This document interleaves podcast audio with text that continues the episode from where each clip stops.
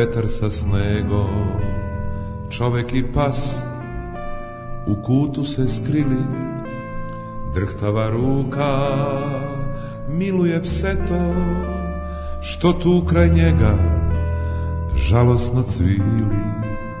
Eh, kako starost može da boli, burna se mladost iz tame ruga, gde su mi sada prijatelji lažni, kad sam opseto imam za druga.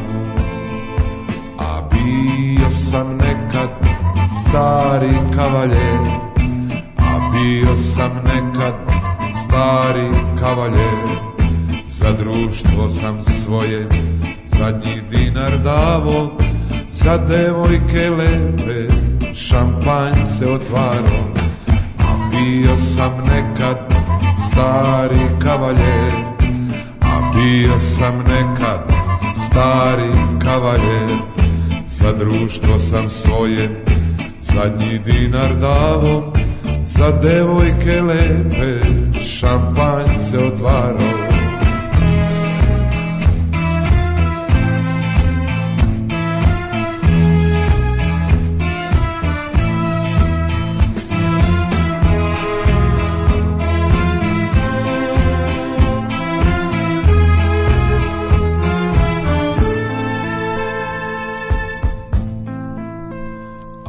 Je bila hladna ko nikad, ko večnost neka, beskrajno duga, ujutru ljudi nađoše samo smrznute u snegu dva stara druga, a bio je nekad stari kavaljer, a bio je nekad stari kavaljer, za društvo je svoje. Zadnji dinar davo, za devojke lepe šampanjce otvaro, a bio je nekad stari kavaljer, a bio je nekad stari kavaljer, za društvo je svoje. Zadnji dinar davo, za devojke lepe šampanjce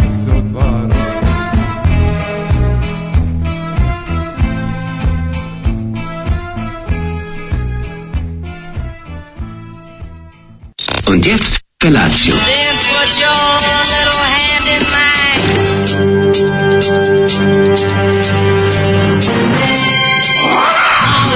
Grupa rozvojenih mladića trči po studenom vazduhu pre zore. Alarm. Ima da kane, nema problema. Svakog radnog jutra, od 7 do 10. Hajde, Geri, jako se velda.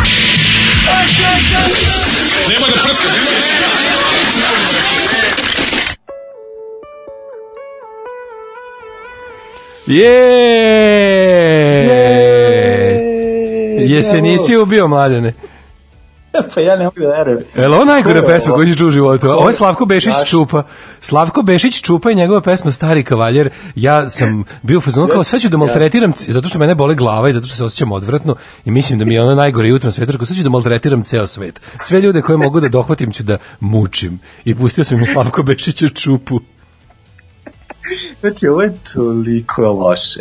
Prvo, prvo što cijela melodija ide na ono bolujem ja, boluješ ti, bolujem od ljubavi, to je prvo stvar, mislio sam da je ta pesma, rekao what the fuck, a posle toga sam shvatio da je ovo jedna od, možda posle, ono, sinoć mi je pogina tata, Jeste. jedna od najjadnijih pesama na Matori našli su i smrznutog čoveka i kera ujutru, ono starca i njegovog psa su našli smrznute, a on je bio neki stari Mačku kao... kako, mačku kako piše po njima. Znači, ja, se- ja, ja ne mogu da verujem šta sam slušao. Znači, ovo, je inače, ovo je inače Slavko Bešić Čupa, njegov singl iz 77. Stari kavaljer izašao za renomiranu kuću Beograd disk, na koju kad spadneš znači da si treba sam da narezuješ svoje ploče. O, Našli su ga smrznutog u studiju dok je snimao Pa, u stvari njega i psa producenta. Kao što će- kao što Ne, će je, mene znači, naći, Ovo je toliko jadno. Ne, ja ne znam, prosto, prosto ne mogu da zamislim ni čak ono kao matorce koji ono u restoranu žal za mladost naručuju ovu pesmu.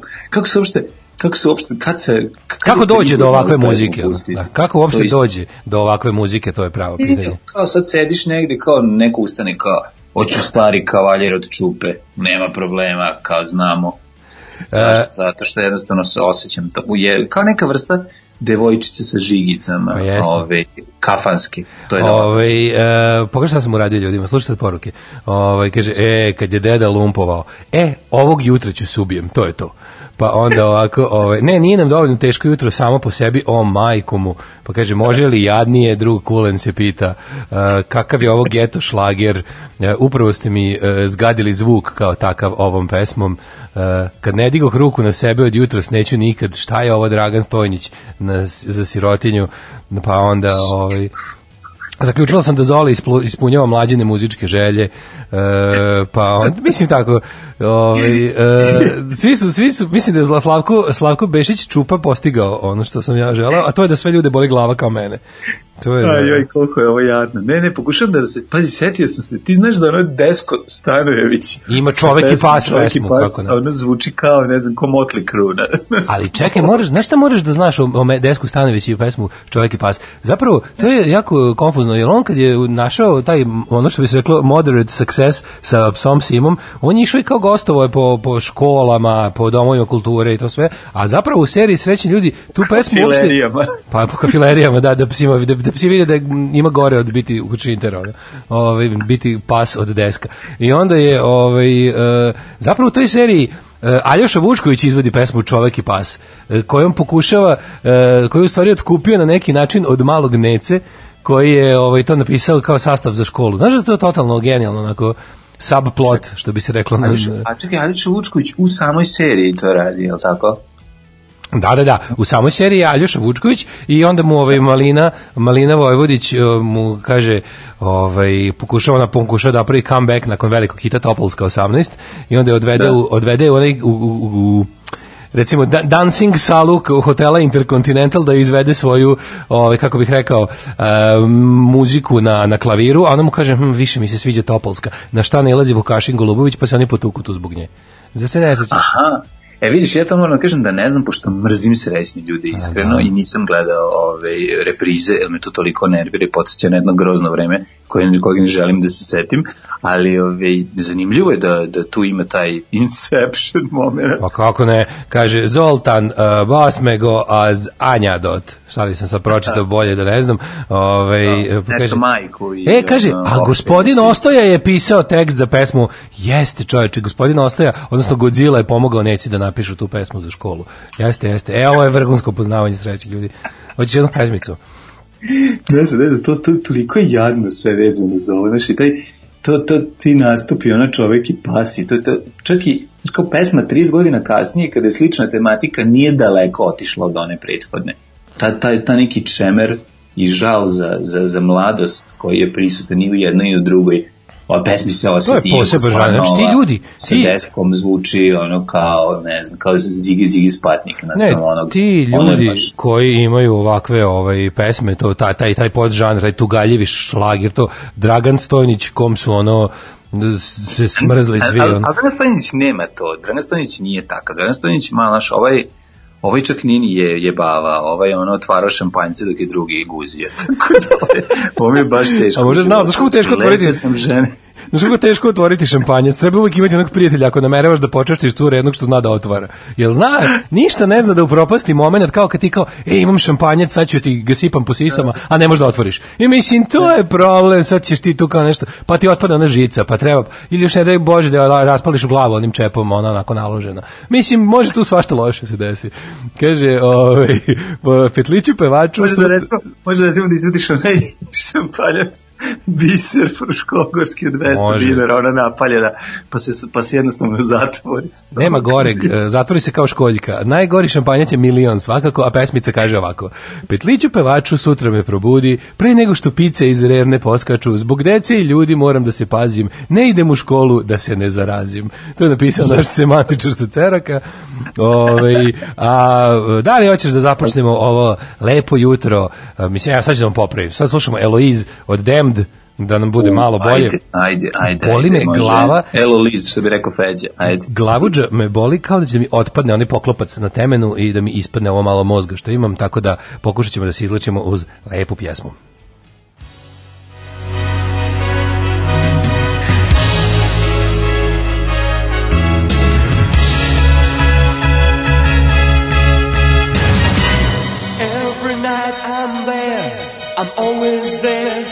Knows I'm there, and heaven knows. I hope she goes. I find it hard to realize that love was in her eyes. It's dying now. She knows I'm crying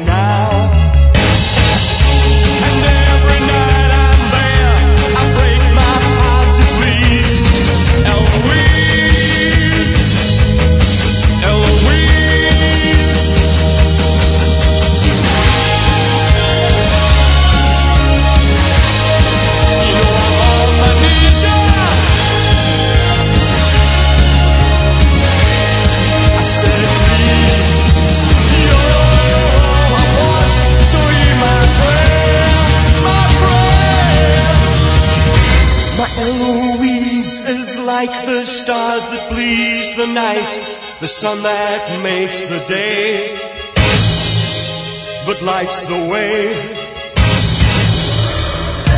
And When that star goes by, I hold it in my hands and cry. Her love was mine. You know my sun will shine. And every night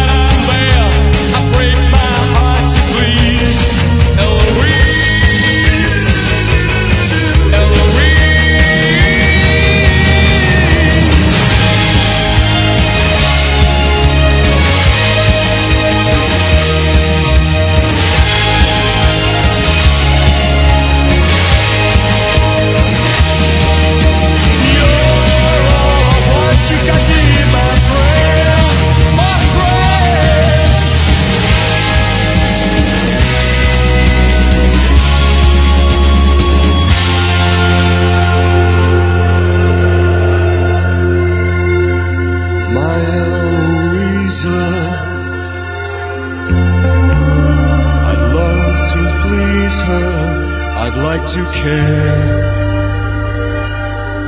but she's not there. And when I'd find you, I'd be so kind, you'd want to stay.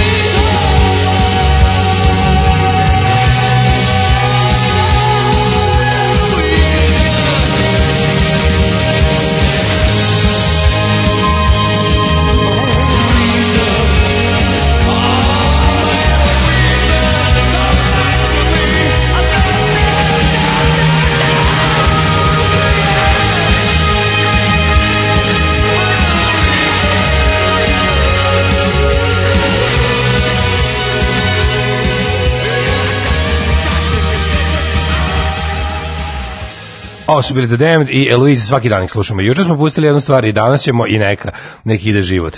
Ove, kaže, Dobro. Inače hit, tako rekli smo, e, njihov najveći uspeh što se tiče top lista, ne Jeste, nadrealista. Da, a tužno što je ovo obrada, mislim tužno, je, nije fair po- pored njihovih svih genijalnih pesama da zapravo najveći uspeh na top listama im bude jedna obrada od hita iz 60-ih, ali su napravili mnogo bolje nego što je original. Uh, gde se da. može jesti dobar prebranac u gradu, ali da nije onako mlohav i da nema puno mjeha od zaprške, ja jako volim uh, prebranac kakav prave u uh, Frajli. Znači imaš da ga uzmeš prebranac pa biraš šta ćeš da ti u njega. Hoćeš klot, hoćeš sa ovom kobajicom, hoćeš sa bel, sa vešalicom dimljenom što preporučujem. Tako da ovaj prebranac u Frajli ili imaš ti neki savjet za prebranac? Pa ja imam za, ja imam za dobar čorba s pasulju, sa rebarca suva, čorba s pasulju volim, to je u onom, ovi, kad se to zove Strand Express, kako se zove preko puta pečurke, ono što Da, si dole da, da, da, se da. šan, Jeste. kao u, ovaj, kao u, U foodiju. u menzi, profuraš i uzmeš šta ti treba, možeš i da sediš i da jedeš sa strane. Ove, tamo mi je jedno od najdražih pasulja, moram reći, a kad smo kod pasulja, juče sam i sam skuvao jedan od onog što sam imao kod kući. Znači, Au. mogu ti reći da je Šta je da bilo palo- unutra? Pa boga mi jedno, ove, jedno ozbiljan komad slanjine unutra, koji je naravno isjeckan sitno i koji se do kraja i raskuo, ostalo je samo oni, ovi, um, oni mesnati delovi koji se jedve drže za nešto i predivan je pasulj. Ove, ti imaš veliku sreću što smo odvojeni i ne osjećaš punu aromu pasulja koju ja sa sobom nosim. E, kaže ovako, Čupa je bio legenda kraljeva i igranki u vreme moje keve, to je 56. 60. A, posle je i otpeva onu čuvenu u seriji Vruć vetar. Jeste, ovaj, Čupa, ja sam, ovaj, znam da ima, kad sam, kad sam sad malo istraživao Čupa, vidio sam da to, nisam znao da to baš njegov original, znači ono što se čuje u seriji Vruć vetar, to je drug Slavko Bešić Čupa. Mi znam da tu pesmu su napisali Čekaj, Voj- čekaj, Vojka Borisavljević, ne znam ko još. jednom od Da, a, sa, a San Marino, a San Marino, znaš tu pesmu? A San Marino, da, kako ne znam, to je on napisao stvar. Ove, kaže, ste puštali vi nekad onu pesmu iz Sopranos, jedno milion puta smo je puštali, čak sam taj i danas da je pustim, verovali ne. Ove, Woke Up This Morning se zove, paše uz ovakve dane, često mi nju pustimo, radi se o grupi Alabama 3 i ove, Woke Up This Morning znamo baš da je pustimo onako da počnemo jutro uz nju. Ove, ali vratimo se mi ipak na muziku iz eh, Pavićevih serija.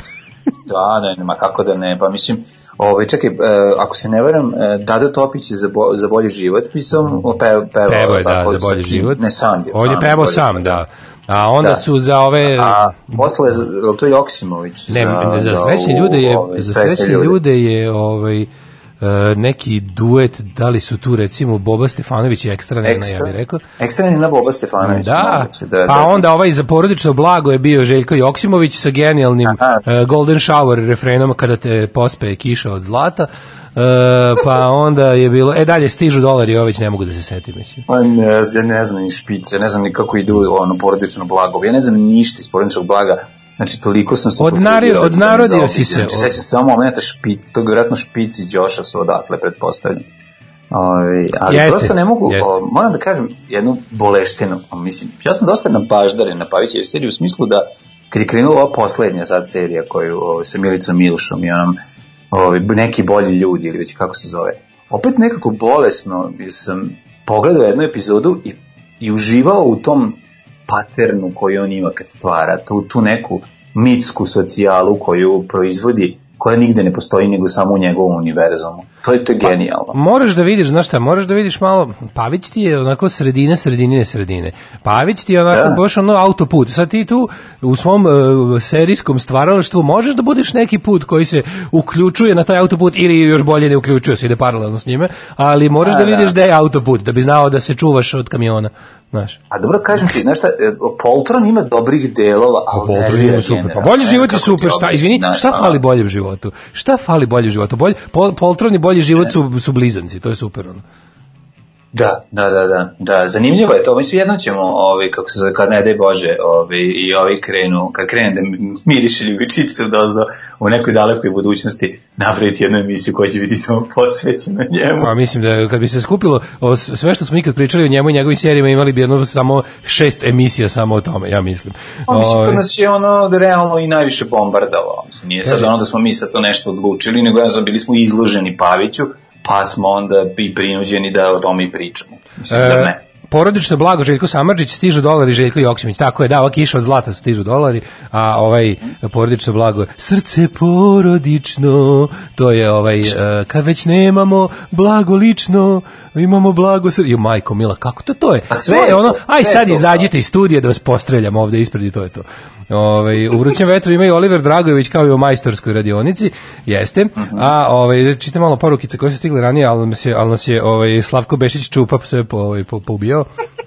On kaže Juče ste prepričali o homo pingvinima i zamislite vodite dete u zoološki vrt i vidi ih dete i postane gej pingvin i šta dalje raditi? Gde malo da držimo? U frižideru? Šta ako dovede dečka, ko će dva pingvina nahraniti? Ovaj A šta ako ga odvedeš u Zagreb, u zoološki vrt, pa postane gej ping, pingvin Hrvat? Znaš ti šta, šta sve može gore da se Zagreb- desi od toga da, da Zagreb- samo gej pingvin? Ja mislim da Zagreb nema zoološki vrt, ispravite mi purgiri ako grešim, ali ne znam nešto da, da, da Zagreb ima zoološki vrt. Jel ti znaš da ima? Zagreb ima isti zoološki, nemam pojma, iskreno Da. ti kažem, nisam bio u Zagrebu u zoološkom vrtu, bio sam nekoliko puta, ali i čak i ne bi ni išao, pošto ne podnosim zoološki vrt. Ne podnosim Ne znam Zagreb. nikako Feđu, ne znam kako ću, nikako ću Feđu voditi, ono, mislim da ćemo preskočiti, ali ne, nešto bi, ono, voleo bi da mu, ono, ne prikazujem zatvorene životinje, a voleo bi da je vidi slonove, lavove i majmune. Možda ako ove, dođe ove, kineska lepeza i princeza u cirkusu pa da jedemo, aj to je jezivo, ne znam. Ne, Pa cirkus je da gori, cirkus je gori od zoološkog vrta. Cirkus je realno meni nekako jeziviji od zoološkog vrta. A Kad jezivije, Životinje da. u istim uslovima samo se još i cimaju da cirkus se putuju. bar kreće. Te Pa životinje je imaju gore, neku iluziju da se nešto dešava. Pa da, imaju iluziju, su kreću se u kamionima, u kavezima. U, u vlastitoj kaki, to je baš horor. Za vlastitoj kaci. Jedna slušalica zbog vas počela da sluša Damned, a ja sam počela da želim da budem Berina Fatić. Nemoj da veruj mi, ovaj bolje ti da bolje bolje ti da budeš to što jesi.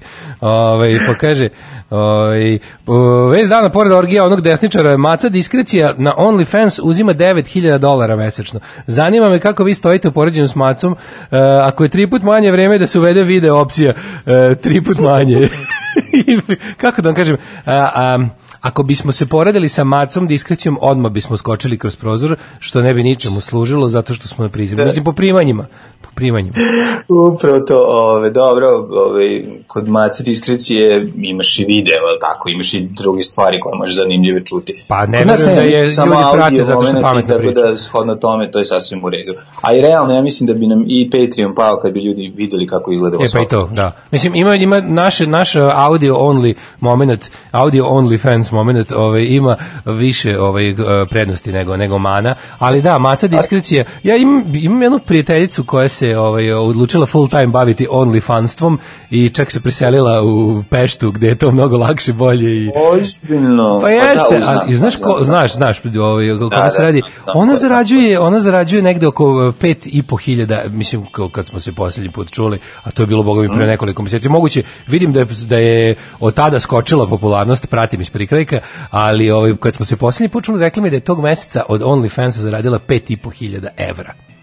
E, to je E, dobro. da, tako da mladen, ti ja, mi ti ja svakako treba se ubijemo, ali onako baš tužno se ubijemo. Ovaj, Ne, ali, da ja ću ali sa neka. psom zajedno svojim kojeg nema da se smrznem. Zamisli tuga da se smrzneš.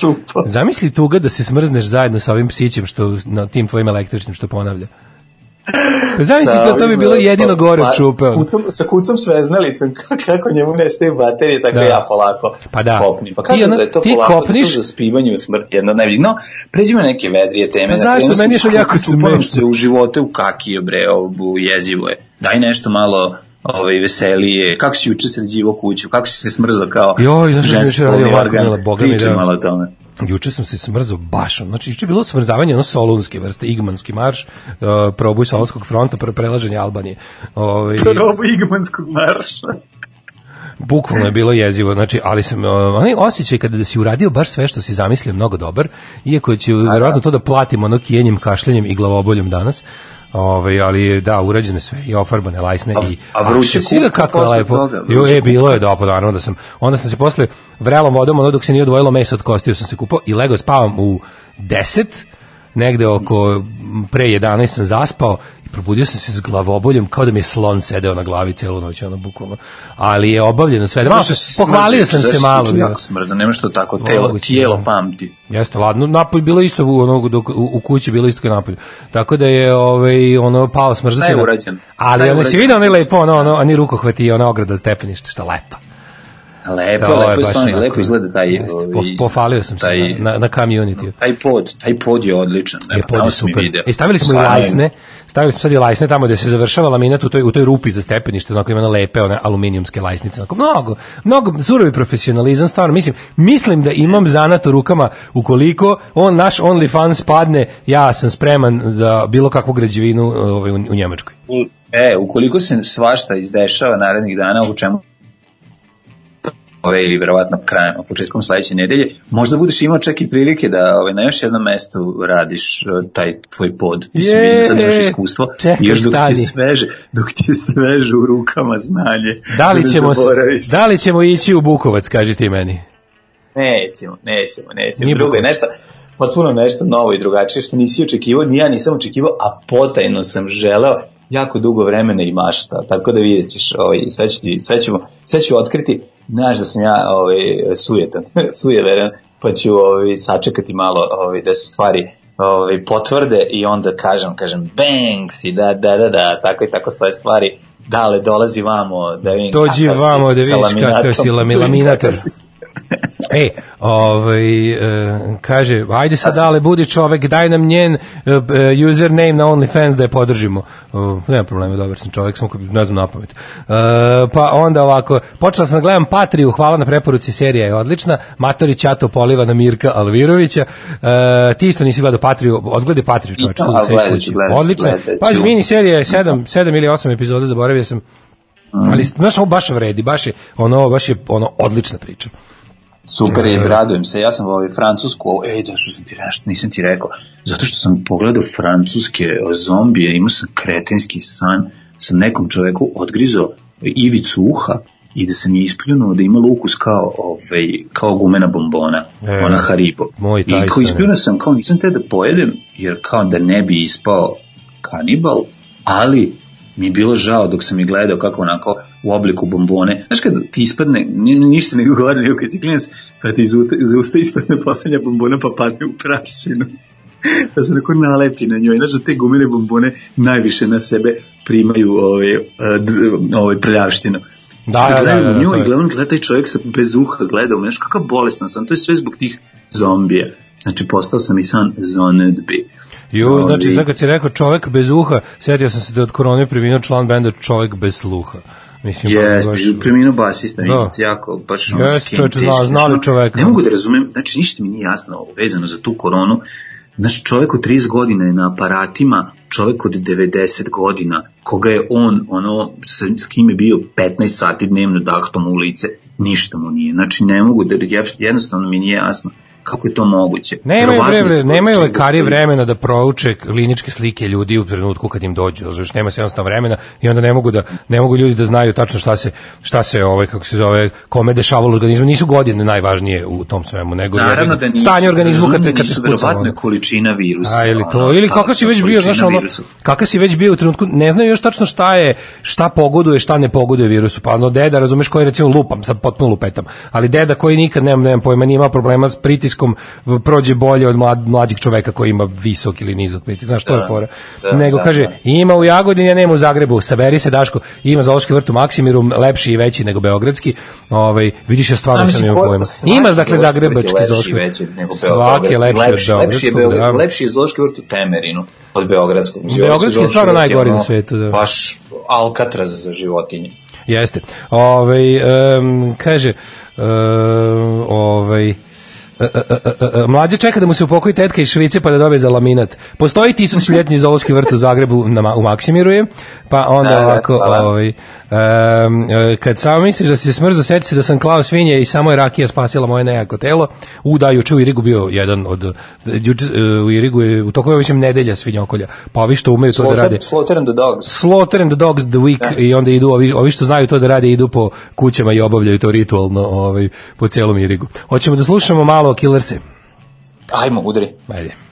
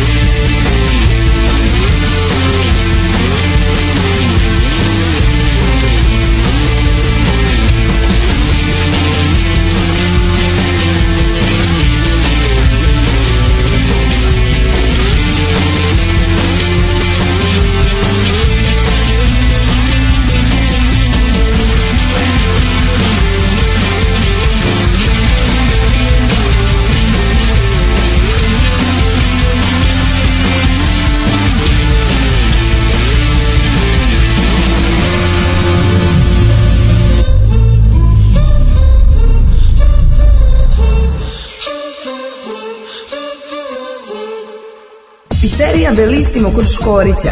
Imamo malu picu, veliku picu, porodičnu picu. Imamo picu za sve.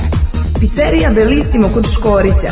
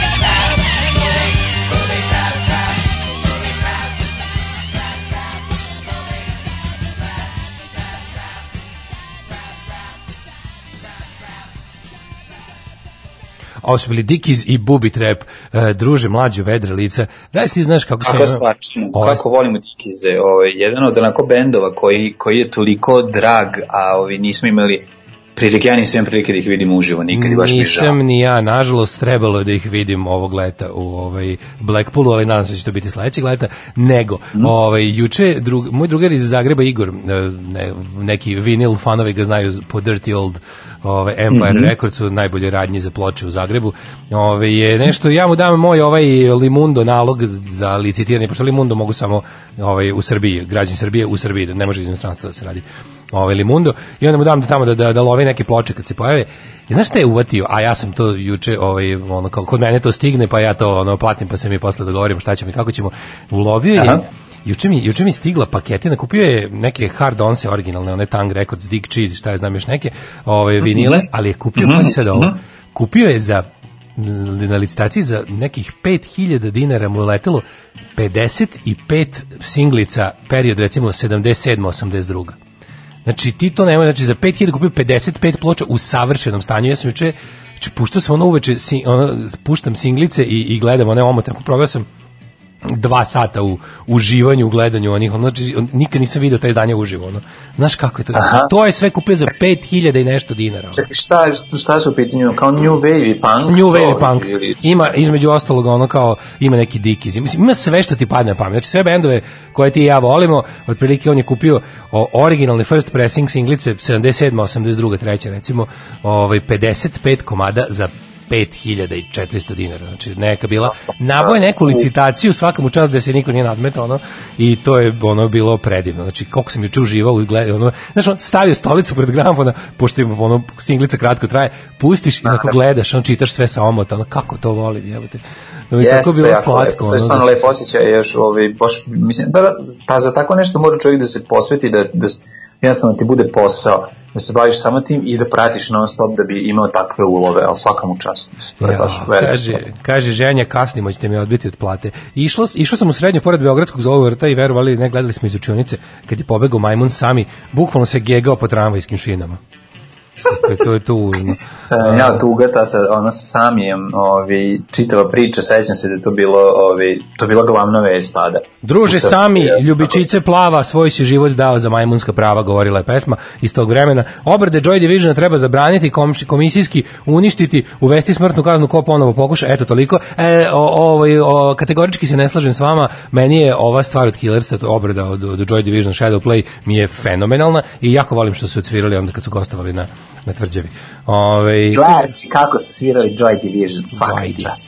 Ove, pa kaže ovako, e, mlađi brate, razumijem te kod tih snova, ne znam odakle ti da ljudski uši imaju ukus kao gumene bombone, mislim, on ima skroz drugčije, skroz drugčiji ukus, ovaj, da nisi mu odgrizao veštačko uho. Čovek govori sa iskustvom i zna šta priča. E, svaka ekskurzija iz Bosne je išla u Zagrebački zoo vrt i životinje su se lepše ponašale. Mislim, od dece koje odlaze na ekskurziju. To. Hoćemo u prošlost. Joj, vidiš to tako, e, bosanska, znači bosanci su išli u Zagreb, a mi smo trebali da idemo u Sarajevo. Svaki put je on Popović tradicionalno u osmom osnovne odlazio ovaj, ekskurzija bi odlazila u Sarajevo, to je bilo onako tradicija koja je 92. nažalost kad sam ja trebao da idem sa svojom o, generacijom ovaj, prekinuta zbog užasnog i groznog rata. Hoćemo da krenemo polako u prošlost. Ajmo da imamo kad je sve bilo bolje, može. Dogodilo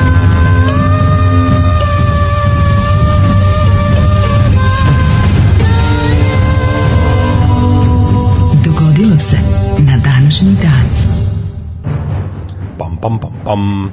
Um, 2. decembar, 2. Drugi. decembar, 336. dan godine, do kraja godine ima još 29 dana. Druže Daško, vedre lica, gde ćeš za najluđu noć? Duž, druže Daško vedre lica, da li ćeš za Novaka do Užica?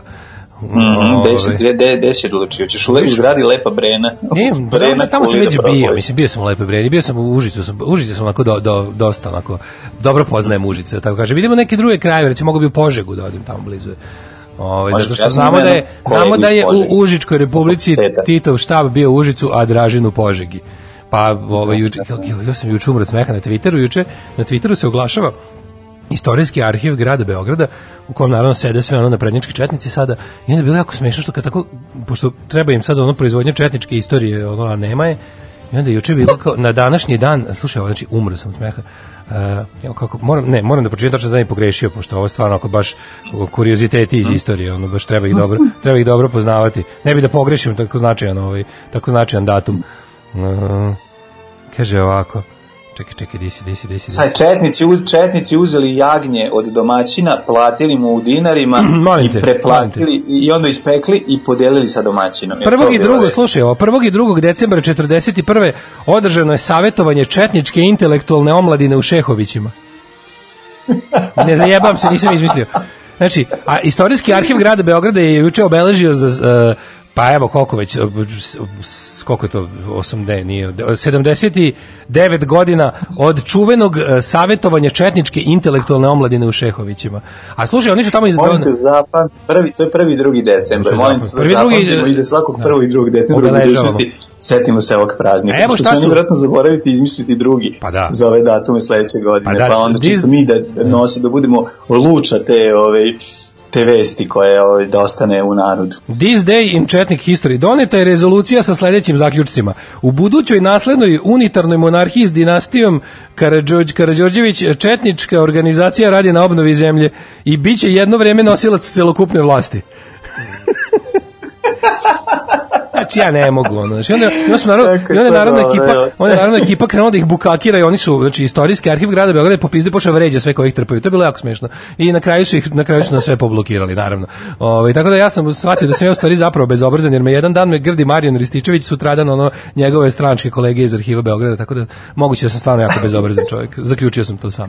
Ne, ja ne znam, čuče, to kad imaš utisak vesti koje dobiješ, znaš, oni kao, da tweetove koje oni kači šta objavljuju, imaš utisak da je nam Beograd pod okupacijom. Brate mili, tamo, 41.. ja mislim da se tamo Što ona tvituje iz, Mišićeva pa, iz četvrtog odeljenja srpskog gestapova se tvituje, ono, znači bukvalno, ono, znači sve, Da, u da, svim da, institucijama to- totalno sede, ono, sede krste mišići i tvituju, ono. I to im je izgleda super što, mi- Da, da. super što SNS ima taj kao, znaš, SNS jako, jako im je stalo do Twittera iz nekog meni potpuno nedokučivog razloga i onda tako jadni ti svi ljudi koji držite njihove ovaj institucije trenutno koje su deo partijskog plena ovaj imaju zadatak da da da da gnoje ovaj da kao da budu aktivni na Twitteru da bude urnebesno smešno bude urnebesno smešno tako dobijemo zasedanje četničke omladine u Šehovićima ajmo ovaj e, da vidimo šta ima danas je- 1254. Ne, čekaj, stani. 1254.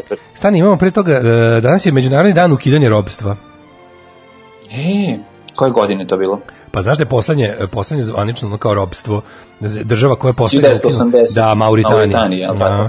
Pazi, ja sam se rodio godine, ljudi su mogli negde da budu prodati i kupljeni u roblje u, u trenutku kad se ja rodio, jebote. Mislim, to je ono... Zvanič, zvanično Da. robovi, jeste. Ja mi znam da je najveća ro, pijaca robova ovaj, kod nas bila u Ulcinju. Mislim, Ulcinju, na, jeste, području, na jeste. području Balkana. Da, to je bila sredozemna Da. pijaca robova. E, 1254. izvolite kolega.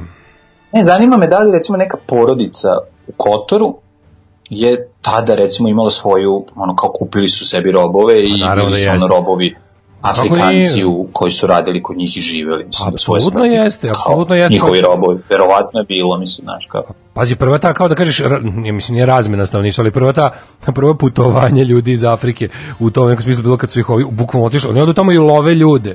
Znači, robovlati, kao trgovci robljem su odlazili tamo naoružani i lovili ih Da. kao divlje životinje, stavljali ih na brodove i nosili u druge delove sveta da ih prodaju. Kao, znaš, on kao, kao ubrao sam nešto pa nosim na pijacu, ono isto tako. Uh, Upravo tako. E, 1254. kralj Sicilije Manfred pobedio u bici kod Fođe, papsku vojsku i zadržao svoje kraljevstvo. Tako je. Aj ti? Te, tek 1804. Imaš nešto između? Nemam, nemam, nemam. 1804. Papa Pije VII u Parizu krunisao Napoleona Bonapartu za cara Francuske, a naredne godine, opet isti akter, francuska vojska pod komandom Napoleona Bonaparte je porazila rusku i austrijsku vojsku u bici kod Austerlica, to je mislim negde u blizini Brna, Mhm. I to je ovaj, bitka poznata, poznata kao bitka tri cara, je li tako? Da, Mislim, ja su znaš tu učestvovali, učestvovali tri da cara. Znači, s tim da je ovaj, Napoleon uspeo da bolje organizovanom vojskom od ovaj, na, nadmoćnije ovaj, zajedničke vojske Austrije i Rusije uspe da ih ono naravno um, da ih nadmudri i rastori i jednu i drugu vojsku. Znam da je nešto da, da problem bio u tome što je, pored toga što je njegova vojska bila mnogo bolje istrenirana, pripremljenija, imao je hiljadu backupa priprema ovih, znači i strategiju kojim će ih navući popušta, popuštajući, popuštajući, popuštajući, zatim ovaj, zadati, kad se ovi zalete, zadati ono smrtonosni udarac. Ovaj, bio je problem i između austrijske i ovaj, između austrijskog cara i ruskog cara pošto ni savezništvo nije je bilo prilično labavo, odnosno nisu radili ovaj koordinisano nego ovaj, svako na svoju ruku, pa je zbog toga ovaj još više imao šanse da, ali opet bez obzira na sve to velika pobeda ovaj Napoleonova je vjerojatno jedna od najčuvenijih njegovih. E, Zato ja uvek kažem, draga su mi tri cara, ali su mi mnogo draža dva kneza, a to je Roštilj u Futoškoj ulici gde volim da zviznem pljeskavicu. E, 1823. predsjednik SAD James Monroe u kongresu SAD objavio dokument koji predstavlja njegovu doktrinu, Monroeovu doktrinu, kojim je proklamovana izolacionistička politika SAD u tom trenutku usmerena protiv intervencionističkih namera Svete alijanse, odnosno evropskih sila prema bivšim španskim i portugalskim kolonijama u Amerikama. Konkretno misli se na južnu, ali ovaj, kasnije je e, ta Amerika Amerikancima ovaj, politika dobila ono, neku vrstu pristanka u celoj Americi bila je on kao... Kako ne, pa 100 godina, 100 godina Trajalo trajalo, do, do, do bukvalno 1917. Mislim, ono, Da. kad su Amerikanci ušli u prvi svjetski rat. Kad su Amerikanci Ovaj, krenuli- Sila Antante. Pa da, do, da, do tada je toliko je to bilo snažno, a zapravo bi, bilo je okrenuto tome da se Evropa ne pača u dešavanja na američkom kontinentu. To je bila to je bio zapravo ovaj glavni cilj i zato što su, znaš kako su, ovaj, nakon što su utepali Napoleona, onda Sveta alijansa krenula da vidi, aj sad vidimo šta se dešava u španskim kolonijama, šta se dešava u portugalskim, e, onda su ovi rekli, stani, čekaj, ne može, i eto, tako je ostalo. Da li se sećaš jednog specijalnog broja X horora u kome Drakula okupio Frankensteina, čudovište iz uh, Crne lagune i ovoga, kako se zove, Vukodlaka? Plave lagune. iz plave lagune kurat čudovište iz plave lagune ostrige i ovaj kako se zove i i Vukodlaka i epizoda se zvala Nesveta alijansa Nesveta alijansa, Da. niko, kad ide pravi sranje kao da, I a kad se bori kako Van Helsing protiv njih, pa ko da, da, da, da, da, da, da. E, Ja sam voleo jako X-horror, znači X-horror sam voleo, obožavao sam. moram da priznam da sam najmanje voleo zombija, Ja sam. a, dešavanja vezana Da. za zombija, A sad ti kažem ja- ali mi je bio jako dobro nacrtan, ličio na Iggy Popa. Jeste, Znači, zombi je isti bio Iggy Pop i Znači, nerviralo me što je zombi kao neki super junak, mislim. I onda sam onda nisam lepo, pošto sam X-horror video pre nego što sam video Zoru mrtvaca, onda sam ja mislio, ja sam zamišljao da je zombi to, kao zombi taj bio snagator, razumiješ, to me nerviralo. I ona jedna prelepa naslovna strana gde on u mrtvačnici podigne onako pan, jednoj ruci drži pandura, u drugoj neku dobru ribu, onako pod, pod ovaj, onako nosi kao džak. onda sam bio kao što je zombi je jako. Sve on to, ne može sve on to kao da napravi haos, našika se pravi haos, a onda kad dođe i ostane sam s ribom, onda ne zna šta da radi, nego samo Nema, čuti pa i zato što gleda. me istrulio I taj penis moment i je otpao. ono, Pa da, naš, nema, ni- jasno, znaš da neće biti ništa dalje, dok je Drakula bio seksualan, on je znao i da je ugrize i da prevari.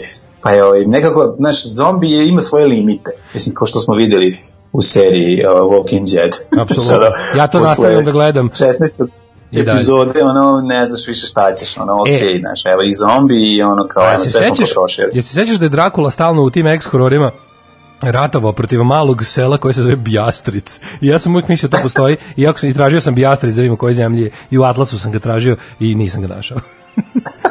da, pa ne, nije, nije uvek bijastrica, ali ona to je neko, ono, uglavnom bi uzimali motive iz Stokirovog romana, ili bi ih malo menjali, čisto da ih ne bi ganjali zbog autorskih prava. A to je bilo pa jako smešno. ono, to je kao Bistrica, verovatno. Pa verovatno, trebalo ali da što je kao Drakula- Ovaj, pa su onda oni uzeli to menjali, da, da, da. I fore što bi uvek Transilvaniju predstavili po svemu kako izgleda to u tim, u tim ovaj, e, filmovima i u stripovima, pošto je Transilvanija dosta jadna na oko, ovako i nije filmična, onda bi oni nju u stvari samo prebacili u Bavarsku i onda bi ono, e, Transilvanija izgledala kao neka bavarska sela, jer je to mnogo lepše da tu Drakula mori Ali ljude. nije, ali Ma nije, jeste, to ti kažem, Transilvanija nije, ja, Transilvanija izgleda tako. Ne Pogledaj izgleda kako tako Transilvanija, gradovi. Znaš kako, znaš kako izgleda ovaj, kako se zove, Trg Mureš, Ma, ti manji sam, gradovi. znam ja to sve. Su, to, ti gradovi stvarno su i srednjevekovni gradovi. Nijedan Ma jesu, izgleda mlađe, vidi, jesu, Ima ali su ih ovaj, uvek- pogledaj malo Hammerove ima- horore. Ima primesa, znaš, i, i na kraju krajeva to jeste sve bila Habsburgska monarhija. Ma jeste, Tako da, ali ti kažem- ono, sa, sa građevin, ono, arhitektonskom smislu je,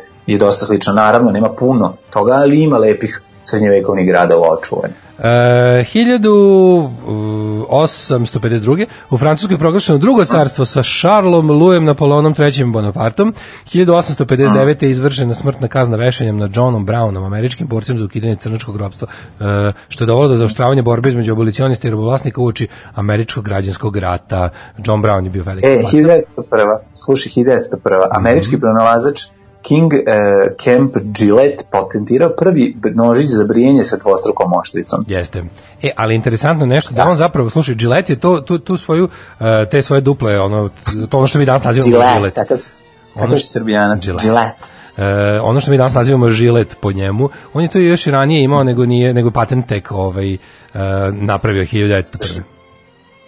E, 1942.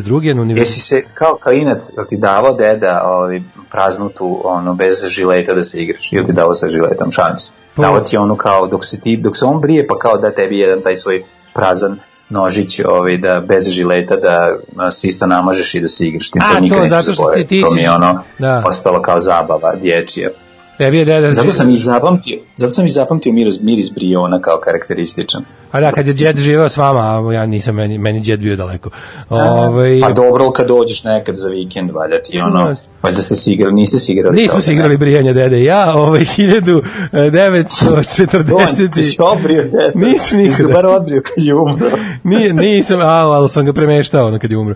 1942. Ajoj, e, jebi dobro, da, da. 1942. na univerzitetu u Čikagu gde su nuklearni fizičari predvođeni Enricom Fermijom radili na tajnom projektu izrade atomske bombe. Prvi put demonstrirana nuklearna lančana fisija. Što si me sad podsjetio na taj moment, to kad si mi rekao, šta, pa smo, Keva i ja smo ono dedi vezali onu gazu da mu se ne otvore usta kad je, kad je umro. To se sjećam. Joj, kako je to Da. strašno. Da bi se, je- znaš, da, da, bi, ti, da bi se usta ukočila zatvorena. Ono. Nema, kažem, nema ničeg dostojanstvenog u smrti. Nema, Kažem, jeste ga kupali ili ne? A nismo, mislim, ali to već ima kod rada. Pa zato što ja to isto ne bi radio. Da sam te pitam, ono, Mm. je isplanirao, ja bih želeo da to kupam. Nema problema. Mislim, ja ti kažem, ja kad umrem, ja kad u momentu kad ja napustim svoje telo, možeš da ga uzmeš i da ga, da ga prodaš onima što skupljaju staro. Znači, boli me dupe. Možeš da ga isečeš na komade, možeš da ga, ono, možeš da ga prodaješ na, na ebayu, možeš da me daš nekrofilime, možeš da parkiraš bicikl u moje dupe, baš me briga. ono. Ove, hiljadu- parkiram bicikl u svoje dupe dok te kupam. Možeš. 1949. zvanično počeo s radom u Univerzitetu u Sarajevu. Jel se sećaš mlađe kad smo spavali ovaj, nas dvojica nježno u, u, u ovoj tamo, u studentskom gradu u Sarajevu kad smo ono svirali u u onom bre, kako, se zove, AGL. Da, AGL koje zove. ubili smo, znači bilo je preko četiri prodate Bila je ludnica, je, bila je U ludnica. Sarajevu razvalili, velika organizacija, da, da, da. Da, to je bilo super.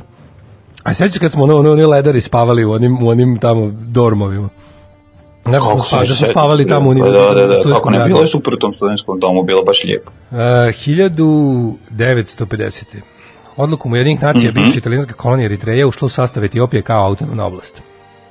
Mm, 1954. Senat Sjedinjenih američkih država izrekao javni prekor senatoru Josephu McCarthy zbog njegovog svirepog ponašanja tokom istražnog postupka protiv hiljadu ljudi koji su bili sumnjičeni da su komunisti. Pa baš lepo što su se ga, što ga prekorili, ono dotle već ne znam nekoliko desetina hiljada ljudi bilo upropašteno, otišlo po zatvorima, izgubilo posao, a neki ljudi konkretno i pogubljeni. Ono.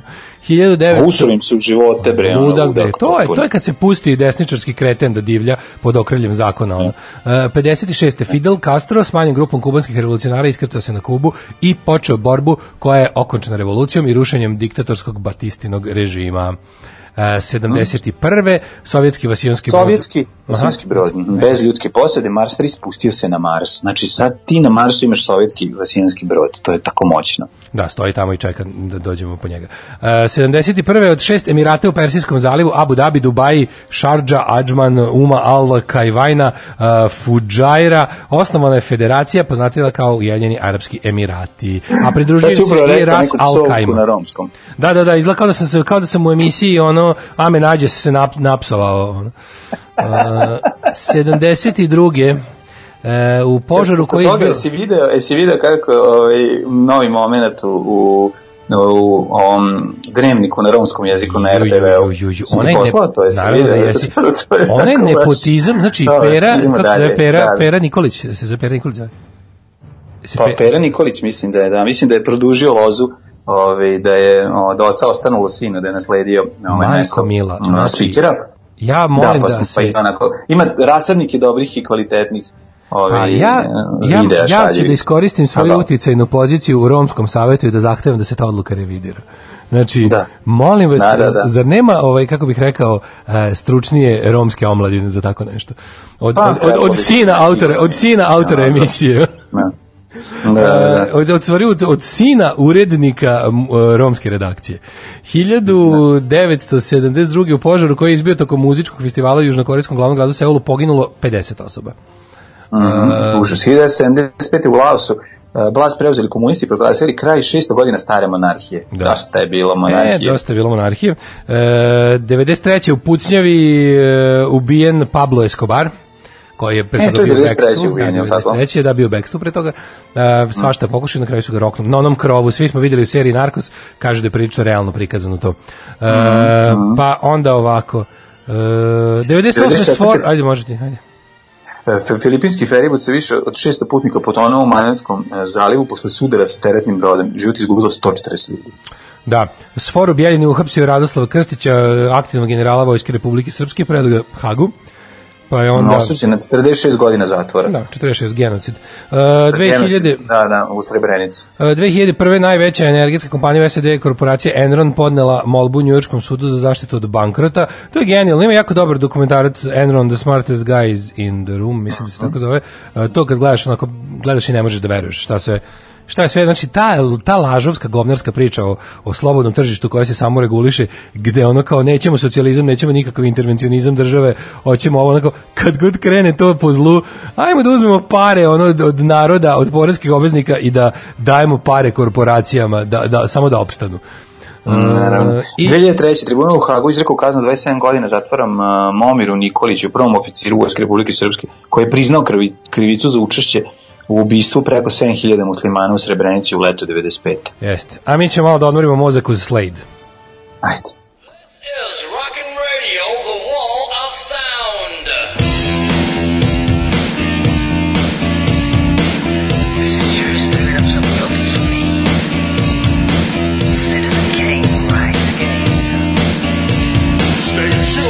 is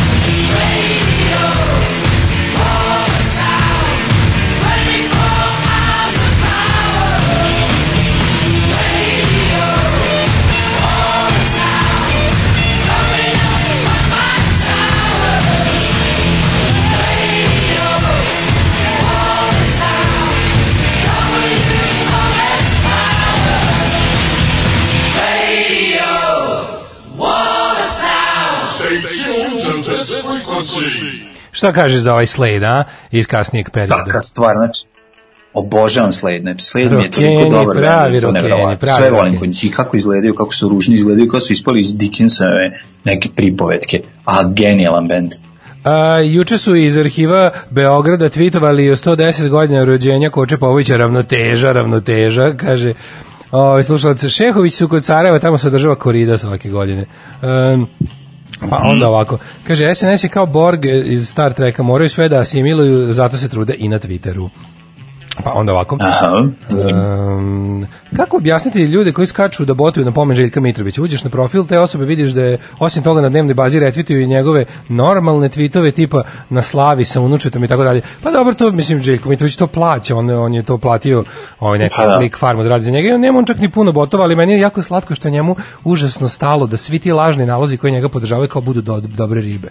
To je najtužnije. Znači, sve su neki on screenshotovi sa Fashion TV-a kao profilne slike i kao, znaš, kao, kao njega vole dobre ribe. Njega kao razumeju i vole i brane ga dobre ribe. Znači, on je, on je jedan bednik kakav se on redko rađe u jednom narodu. A mislim, mi stvarno, mi stvarno dali prilično, prilično velik broj velikog ljudskog šljama u kratkom vremenskom periodu kao narod. Ove, e, Pa mislim i to što proizvodi on je, mislim, je, je sve, sve što što proizvodi to je on. Tako da ne vidim, ono, ne, ne pravi, pravi razliku između toga. A, u Boki nije bilo robovlasnika za razliku od turskog sada crnogorskog primorja. Recimo, u Ulcinju je bio čuveni e, crni partizan i fotograf Rizo Šurda, e, kojeg je Tito na engleskom pitao iz koje je savezničke delegacije, na što je Rizo odgovorio, druže vrhovni komandante, ja vas ništa ne razumijem. Crni partizan, kako dobro čovječ. Dajte mi, hoću fotku, hoću fotku ove Rize Šurde. E, pa onda... Vidio sam ja, vidio sam ja njegovu fotku. Ja sam čitao do njemu neki, ću neki da članak. Sećam da se da, googlam. da, da to bilo interesantno jako. Znači, uh, antifašistička brigada mučenika Rizo Šurda. Kad budemo išli se raznesemo na neki ono skup uh, ovaj, dveri. Živeo sam u Transilvaniji, nigde nema lepše prirode, gradovi su im lepši nego kod nas, uh, čuvaju dosta prošlost. Pa Uh, pa kaže, ovaj, došao nam rumunski student na ispomoć, a ja cijelo vrijeme pjevušim u sebi mladinovo la la la la la la la la la la la la la la Ove, kaže, jeste uboli dedi petu iglu da se ne povampiri, e, pa onda, e, ladno sam uhvatio sebe da mislim da ću dočekati da Daško kupa ladnog mladena jer ga je zajebu za smrt, a stariji sam od vas, krelci jedni. E, ovaj, e, pa onda ovako, e, kad dale bude rahmetli, ja te molim da me pozoveš nakon što ga okupaš da pokupim vodu. To se ne sme baciti i to će biti idealno za unesrećavanje velikog broja ljudi i usrećivanje velikog broja žena. A, mrtvačka voda. Jeste, to je naš- voda, okej, naš da, da, mag, na to, to ne smemo baciti. Ćemo mi veliku kadu da to bude puno mrtvačke vode. Ove, e, pa kaže ovako, da li Žeks ima svoje lične botove ili outsourcuje SNS botove? To je pitanje koje još čeka odgovor. Nego mladen da imamo i rođendane. Ne, ne, moram još jednu stvar da kažem, ja mislim da to je, da to nemoj razdvajati, mislim da je to sve jedan tim. Mm, Mislim da nije. Znači da mislim da to- nije. Ti možeš da kupiš, ti možeš da kupiš botove, mislim, možda mm, ovaj okej. Kad Pa je nešto možeš, ali pa da. Znaš kako se to radi? On ima, Ne znam, on ima ne neke zaposlene u Pinku. botova, jesi bio na pijaci botova u Olcinju. Jesam, kako nisam tamo, mislim, nisu slobodni, nismo slobodni ljudi, nego botovi, ono.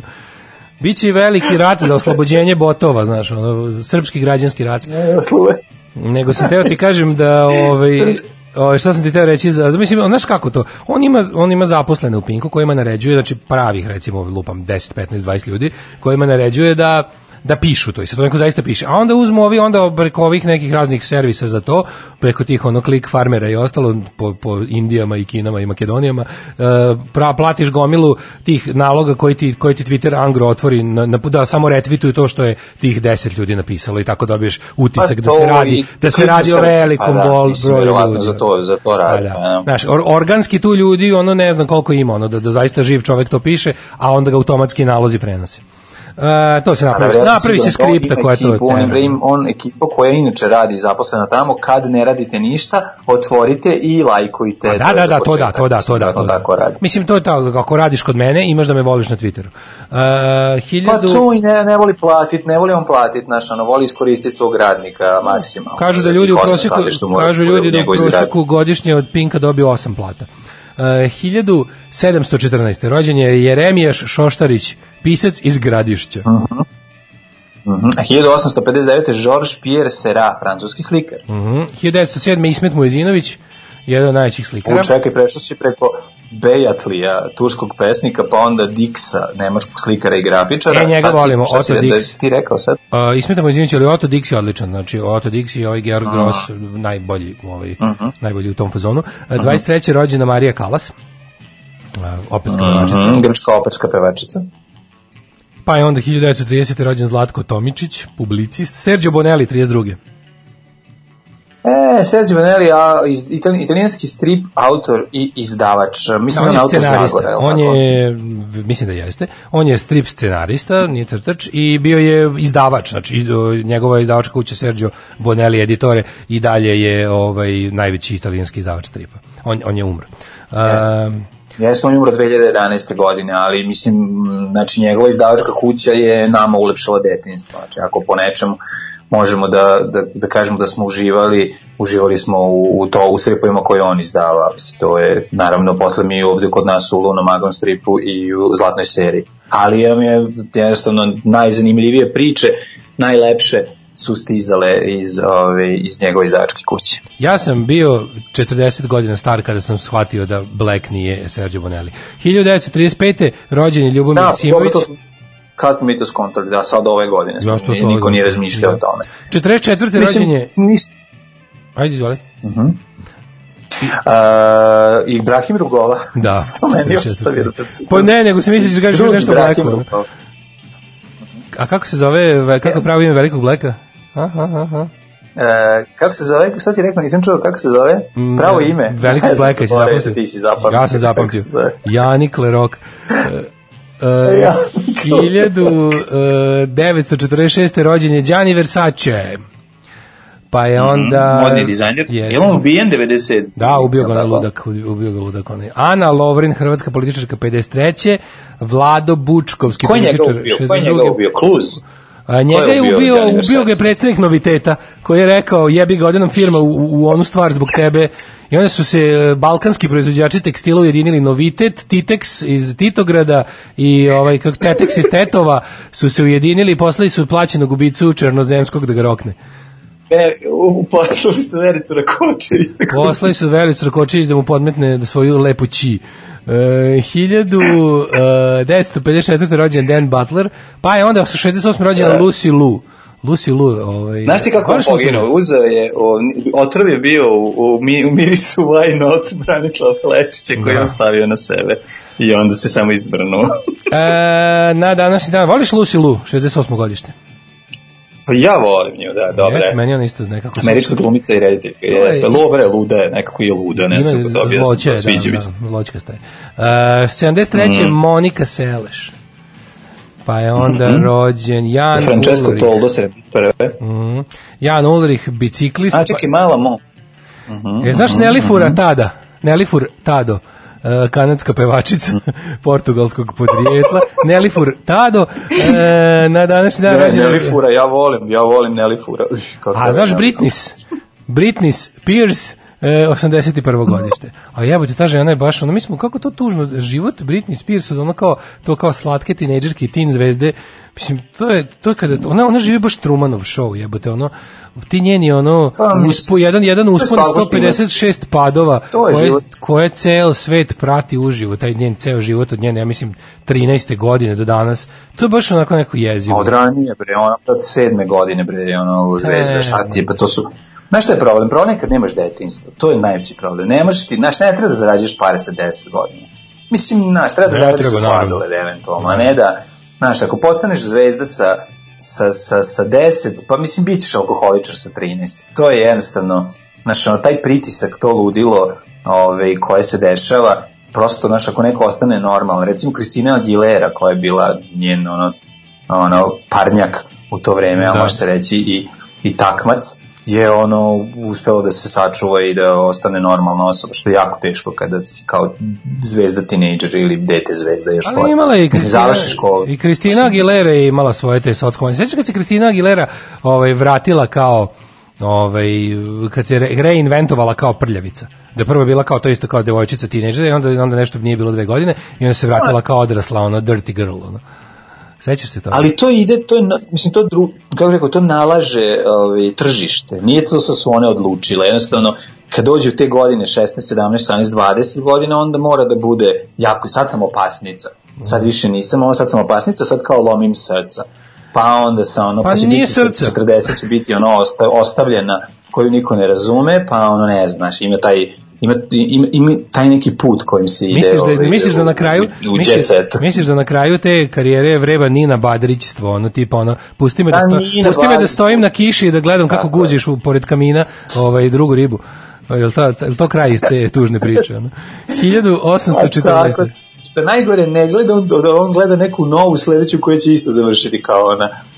Znaš, ona gleda na kiši tu jednu sebe kad je bila mlada. To pa I da, to je taj pa da. jedan, ono, tu kru, Kucne- kruženje ripstva u prirodi. Kuce na prozor i kaže, e, devojko, kupi kišobran.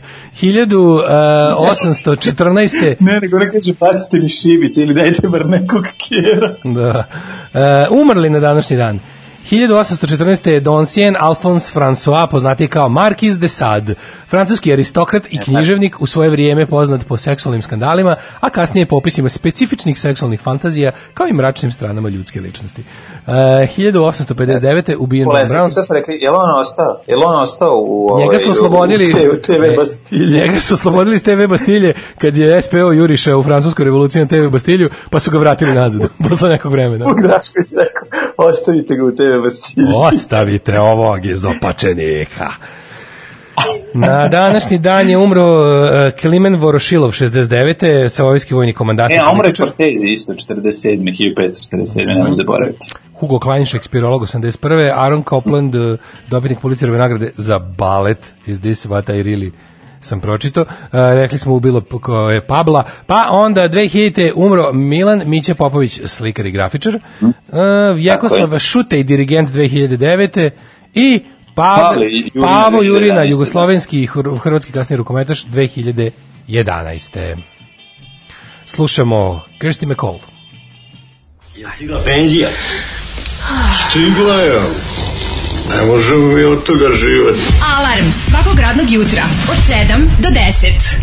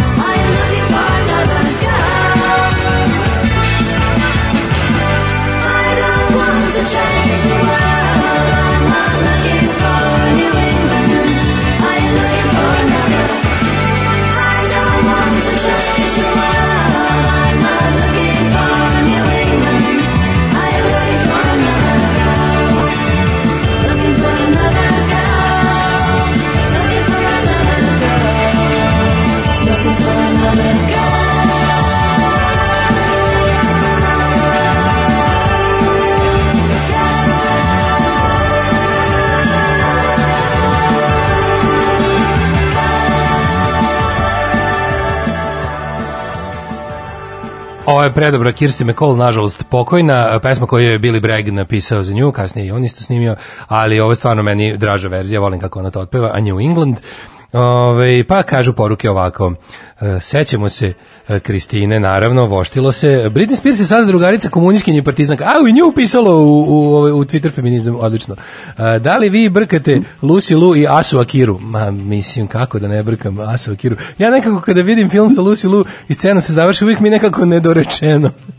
Ove, e, pa kaže, lakše mi sad kad se smijemo Lidlu sa maskom, ne gledaju me čudno svi. E, slušaj ovo, čitao sam odluku Ustavnog suda po žalbi lika koji je bio u pritvoru zbog pisanja na Facebooku i kroz tekst sve super, sve na njegovu vodenicu pogrešio sud i tako to zadnji stav, iako je tražio novčanu naknadu, sud je stava da je dovoljna satisfakcija objavljivanja odluke u službenom glasniku pička i materina. Kaže zaključak. Pa da, pa zaključak je ove ove poruke. Ali ovaj da, pa mislim znači kao, bio, bio si ljudi kao bio si u zatvoru i puj pike, ne važi nikom ništa. Eto, kad tako malo, malo smo se zajebali, a obavljeno je ono što smo želeli. Ti si prestao da pišeš ono što želiš i još pet Pa da, ljudi se pa da. usralo da piše. I kao nećeš dobiti nikakvu satisfakciju za to što smo ti što smo te povredili. Što smo te povredili. To je, boli to je povreda čoveka, razumeš? objaviti u službenom glasniku, ono zabole me, znaš, Pa da, to, to, to će- to je toliko nenormalno. Find some comfort in that. Ove, e, pa onda ovako. Um, čekaj, čekaj. Um, se, kaže, sećate se kad vam je generator ustaških imena poludeo na Slavka Jarugu? Juče sam gledao film Najbolji i shvatio sam da znam ko je. To je ono što glumi starijeg vojnika za ovoga Brka, inače odavno nisam gledao taj film, pola glumaca je pokidala, a pola baš štrče, Slavko spada u drugu grupu, ali jako dobro izgleda kao stariji vojnik. Film Najbolji je jedan od najgorih Jeste. filmova SFRJ kinematografije, to je takozvani JNA film. Ove, Čekaj, to šorak. to je šorak, da. To je ti one bre, one one one naše, one naše US Marines uh, uh, jedinici koja je bila u Trebinju, specijalne crne beretke, one su tu su najbolji, oni su najbolje izgledali. Najbolje uniforme su imali, imali su onu onako NATO šaru kamuflažu i imali su ovaj crne beretke samo sa sa crvenom metalnom petokrakom. To je super izgledalo, ono. Ovaj Da, mislim da tu Stevan Gardinovački matori vojnik koji odlazi u penziju. Tu je sve predivno. Tu je sve predivno. I Žarko, se zove Žarko Da, da, Ninkov. da. Žarko Ninkov se zove Bjelogrlić tu u toj ovaj ovaj kako se zove Da. On je kao iz Novog Sada, šta Ne, iz negde iz Vojvodine, pa ga onaj, pa ga onaj Felsenfest ovaj, ide jugom po njega i vraća ga u kasarnu. Majko Božija, kako Taj, glum, taj, taj glumac je isti kao Jeremy Brett. Znači, Jeste, isti. jeste, da, da, da, ono, upravo si. Kao da mu zalepljeno, da, da mu je koža zalepljena direkt na kost. Na lobanju. Da, da, da, on izgleda kao da nema ništa između, ko, između kosti i kože, kao da nema meso, da, baš dobro primetio. Jeste, malo je ono, je. ono, ono, onaj Dr. Pipes ili već kako se zove. Znači, Da, ima tu da, taj da. moment, ali, ovaj, ali malo ima i Davey Vaniana u sebi. Ne znam kako da objasnim tu kombinaciju svega. Nekako je Dave britanska je pojava. Malo je Dave Vanian na hemoterapiji. Ajmo da vidimo ovaj, kako se zove Hidmet. Ajde. Samo moment, da, se, da nađemo ovaj, evo ga, ovaj uh, Hidmet, it is, čekaj samo, Ajde.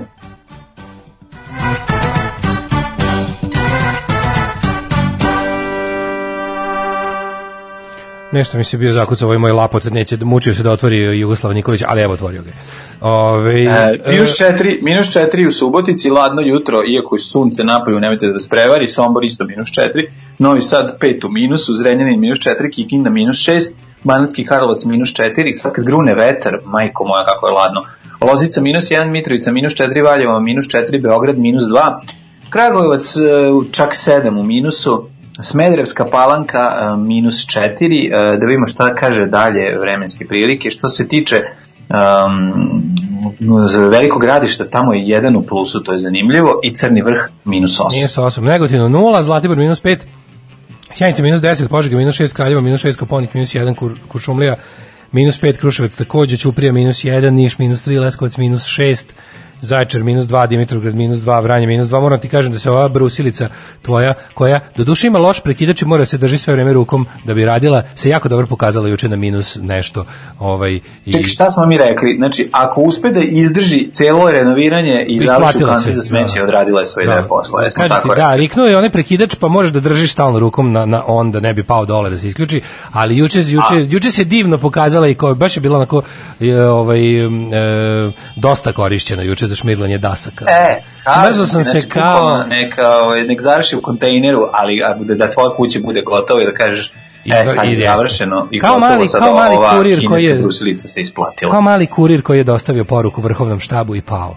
Ove, idemo, da, kako nas danas vreme čeka mlađo? E, danas 3 stepena maksimalno, bit će jako puno sunca koje će da ujeda, a ove, sutra prekstra nak sutra vidim neku vetrinu. Temperature, raste temperatura i bit će čak i 10 i 14 stepeni, znači otopljenje, otopljation street, ali ovaj vetar. E, kaže, Žarko Ninkov iz Rume, Neven vraća brku iz Sarajeva, kažem, juče sam gledao pa mi je sveže, e, Vulin bi mnogo bolje iznao tu uniformu u filmu, jeste, juče ste spominjali Milutina Butkovića, pa jel vam on nije deda iz Mućki? Jeste čoveče, on je deda iz Jeste, Mućki, bravo jeste. care, bravo Jeste, care. svaka čas isti. Slušamo Julijana Copa.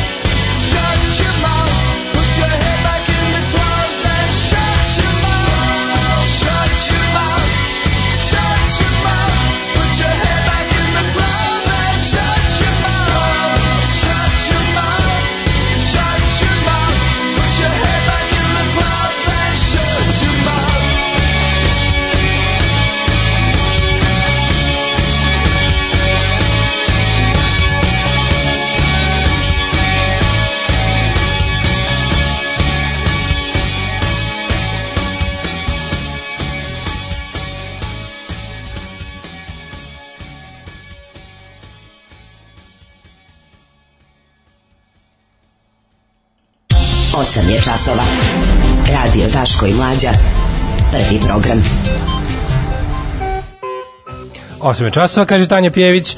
Um, mladen je Ej, hoću- popio, kafu, jesi hoću popio da kafu. organizujem Tanju Pjević u narednom vremenu da nam a, da dođe i da snimi pola devet je časova. To Mora, mora. Ne, mora da snimi još par tih tako da, za, kao za neke ne, 15 do 9 je 20 do 9, tako, par varijanti da možemo Pa, se zajebati s time.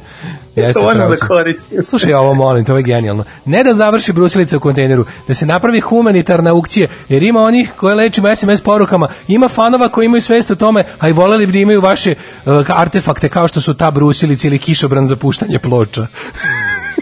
E, Znači, humanitarna... memorabilije naše, Ali to biste šta je? volili da imate. Okej, okej. Problem s našim humanitarnim aukcijama je što za razliku od recimo da kupiš, nemam pojma, ono, sako Rodgera Mura ili automobil koji je vozila Lepa Brena, mislim, mi kad završimo sa stvarima, one su stvarno samo za je potpuno neverovatno. ali Prosto nije Pa ovo. da, pa da. Kaže, postoji druga verzija umjesto da gnjavite Tanju Pjević, da, jel da budete tačni, recimo. ne, ta opcija je otpala. Pa onda ovako... Ovi, Nemoj.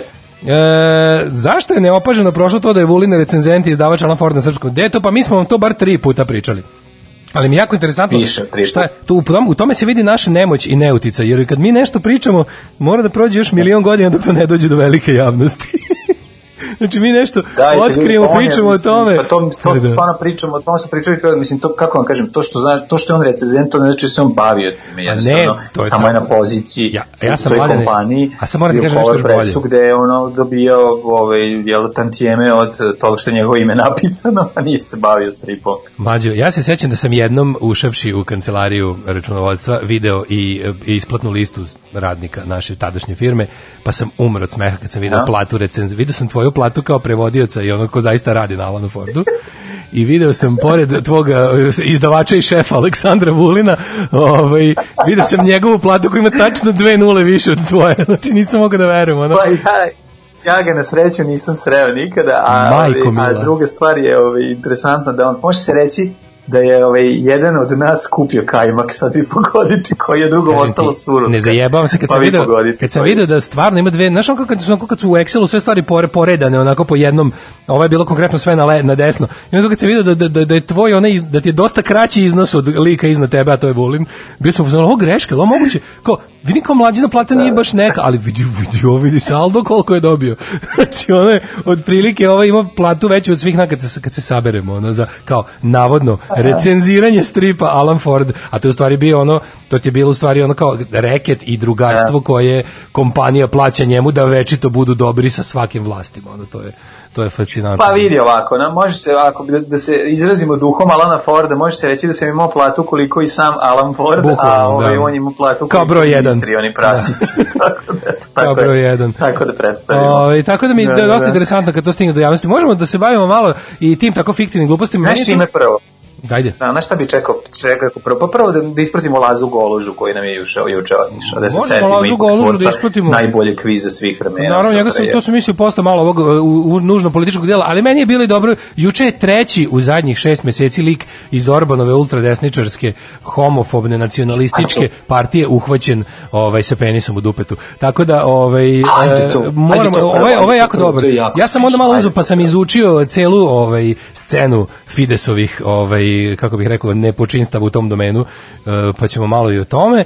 I, Tek, eto, Fidesovih ne pedera, Da, da, da, Fides, da, da, da. Fidesovih hari. borbe protiv borbe protiv ovaj e, to jest borbe za porodične vrednosti. Slušamo pa znaš, ovu- znaš ovu stvar sigurno. Ti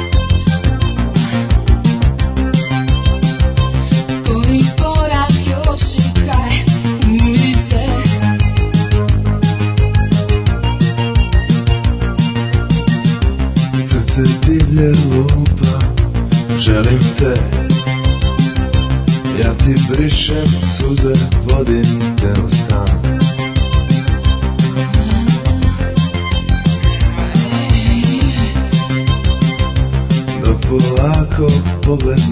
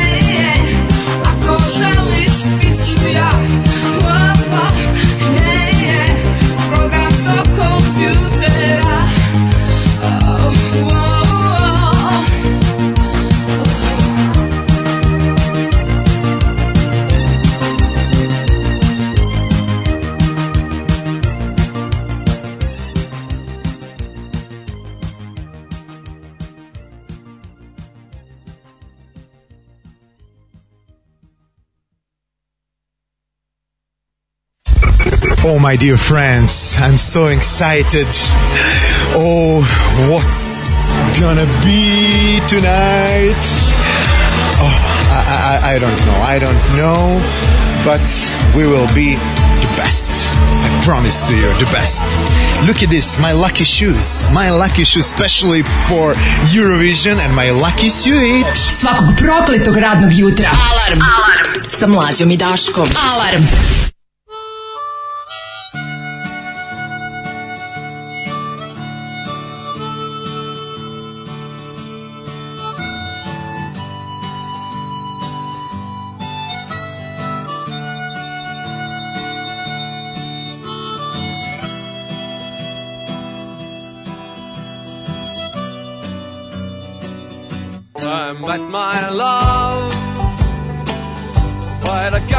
Gasworks wall.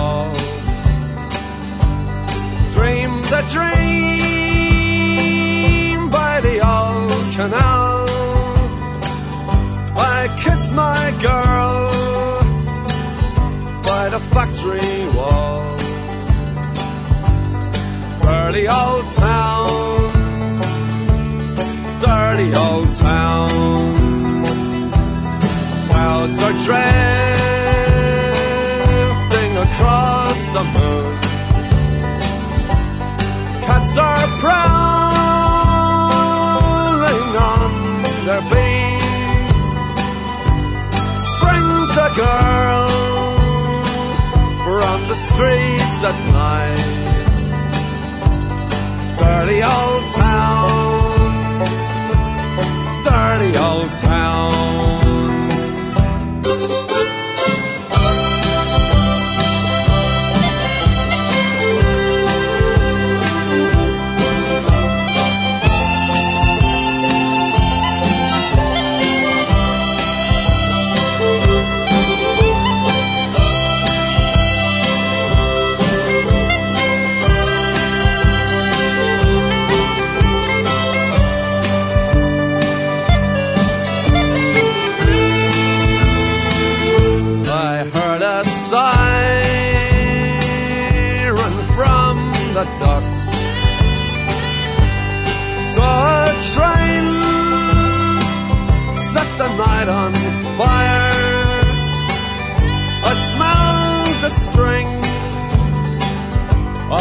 the smoky wind. Dirty old town, dirty old town.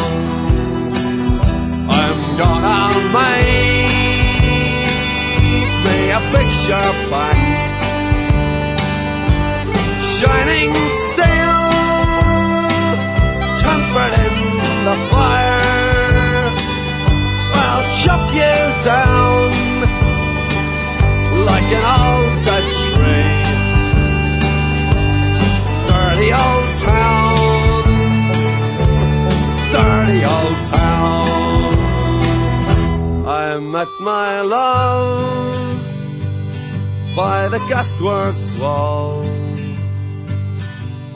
Dreamed a dream by the old canal. I kissed my girl by the factory wall. Dirty old town dirty old town. Dirty old town. Dirty old town. Ovo su bili Poguesi i Dirty Old Town. Voliš Poguse, voliš naravno. Svaki, svaki dobar čovjek voli Ovo Poguse. je ozbiljna stvarčina. Pritisao devojku u zid fabrike. Uz, to je uz, u zid plinare. A da, by the factory wall upravo si da. A video je kod plinare, video je kod plinare. Nego, o, Ide interesantno- kod plinare i stisao je, pa da malo je, e, cela pesma onako ode ovaj, kao soundtrack filma, osam, osam ste uvijek spremne žene. Pesma je teška, ono, small town gloom, radnička klasa, društvo i ekipa, nego interesantno da pesma, svi misle da je on pesmu napisao Shane McGowan jer jeste u njegovom fazonu, a zapravo nije ovo je pesma iz 49. napisao izvesni Ewan McCall, a to znam jer je bilo pitanje na kvizu.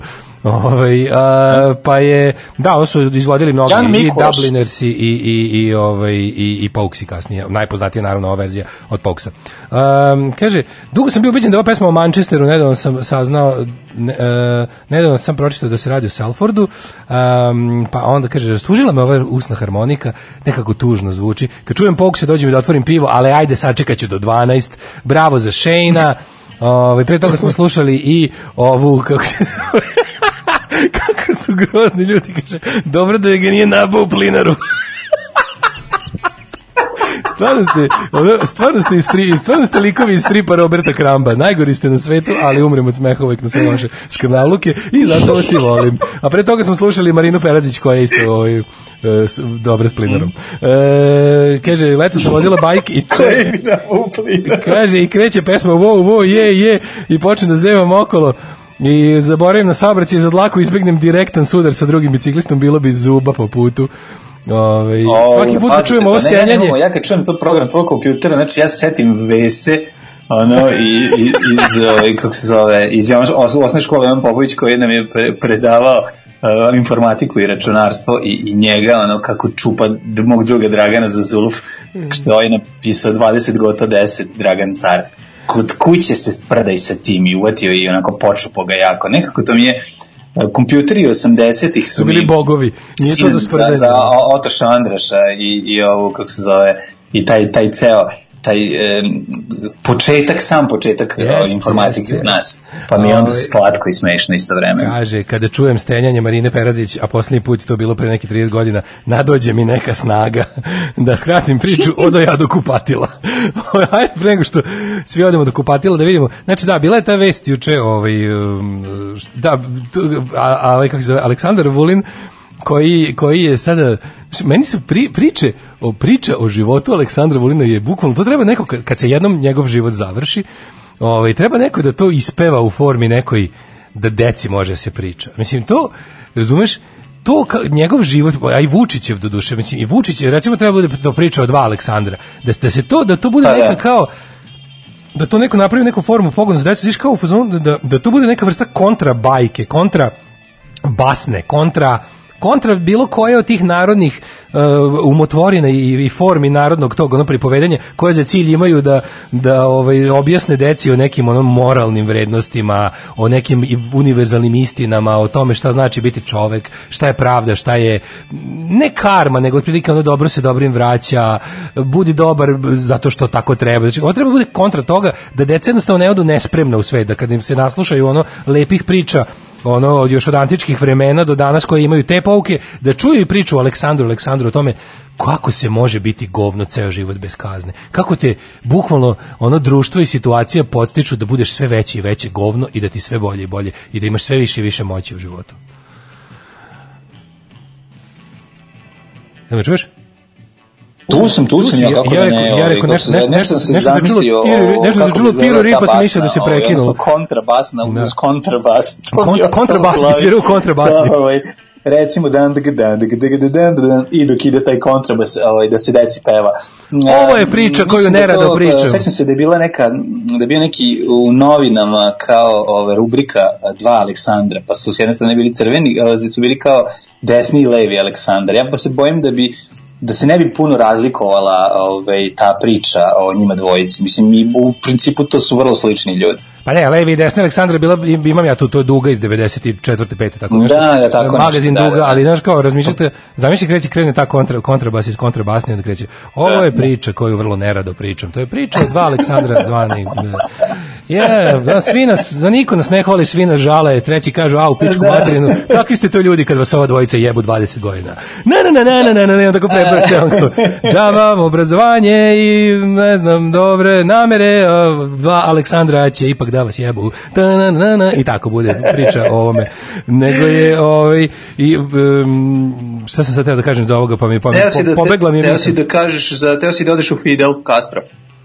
Uh, da, da, da, da, da, ovaj, por, da, po- porodični vrednosničari.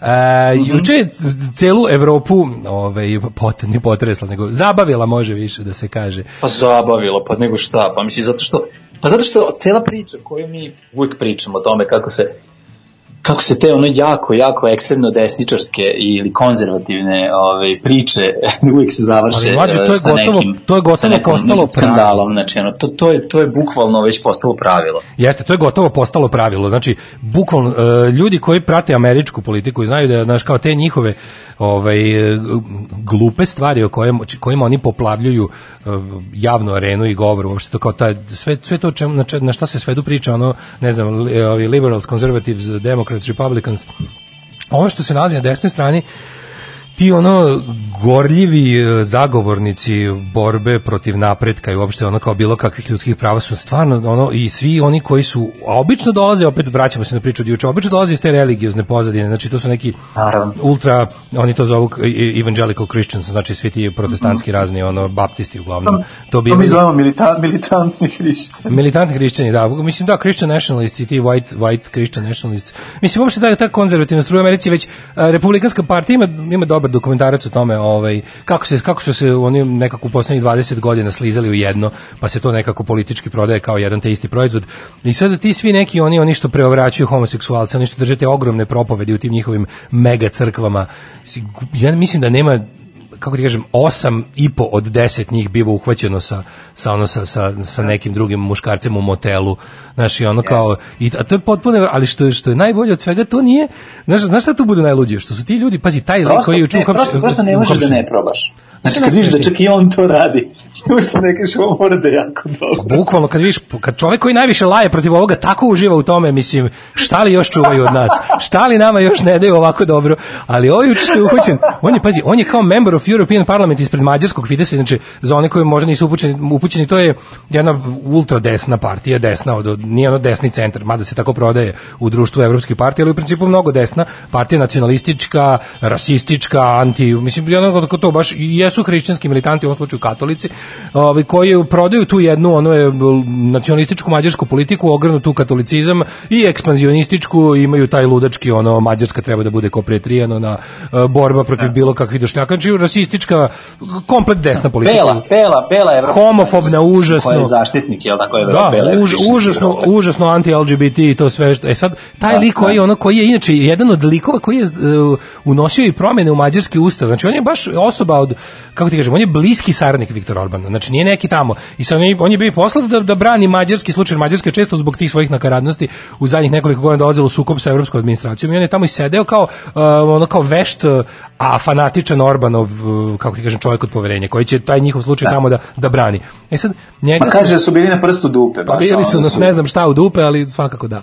I onda su ovaj vesti bila da su da su preksinoć policija u sred, a što je najsmešnije, a koliko sam ja To mi najbolje. Koliko sam ja celu ono, priču. e, Gangbang, gay gangbang u Briselu. naslov tajni. naslov na To- to- BBC-u. To, to, je toliko dobro. Znači, ja ne Naslov- znam, to je kao početak Austin Powersa. Zatekao se u ono, ono ili, Da. ili, ili golog pištolja. Koji znači, svih onih u ono naj- da. kao tajni ono gangbang uh, gay u Briselu. Pa mislim, ono Frank Drebin jedan kroz jedan. Meni je najsmešnije bilo naslov na BBC-u, dva put sam proverio da li sam na pravom BBC-u, da nisam otišao na onaj drugi. Da, da. E, pr- Ne bio je BBC kao uh, UK i onda sam, ovaj, kad sam dva put proverio da nisam otišao na bbc.com, sam ovaj, pogledao, sam pogledao već kao, e, ali ta već kaže, ko, uh, arrested in illegal gangbang. Meni illegal gangbang toliko dobra ovaj konstrukcija. Illegal gay gangbang. Mislim Da. da, je i to bilo dodatno. Ali Sad zna- ne znam znaš sam zašto je- znaš zašto je bio? Taj deo mi je ono kao... Ja sam se onda pitao- O, znači, bili samo muškarci, 25 muškaraca. 25 muškaraca, da, da, da.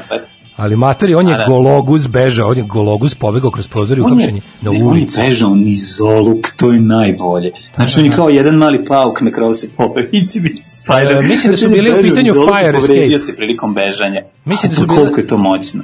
Mislim da su bile u pitanju požarne stepenice i da je on uhapšen e, skroz go, maltene uhapšen na ulici, ali za, onda sam se ja pitao kao, zašto bi u Belgiji bio ono kao illegal gangbang? Šta, znaš kao, to možda jeste zbog seksualna praksa. korone, E pa da, da. I onda sam se ja kao pitao što je to i onda kao posle vidim da je to bilo kao u vreme lockdowna su se oni zaključali iz, jevi ga, kad je bio lockdown, da, da. oni su, što kaže, u dupe ti ga zaključam. I onda je bilo 25 frajera se, ali to je bilo svega, bilo i narkotika naravno i svih ono. Ne, ja bih da se, da, kažem, se preimenuje mesto gdje se desilo da bude trg 25 ono, ovaj, kako se zove, međunarodnih uh, gangbangera. Mislim da se, da se, da se jedno lepo ime, da se taj trg odnosno ovaj to jest ulica koja je eto kroz koju u kojoj se to sve do, do, dogodilo preimenuje bar da nosi njegovo ime ili ne znam 25 palih gangbangera moćno zvuči Može, palih, da, ali ovaj... ovaj Znaš šta je meni važno? Meni je važno što je to internacionalno prvo i prvo. Znači on je na nekoliko načina On je pogazio, da, on je posro uskočio sebe. sebi u Jest, usta. Da, uskočio sebi u dupe.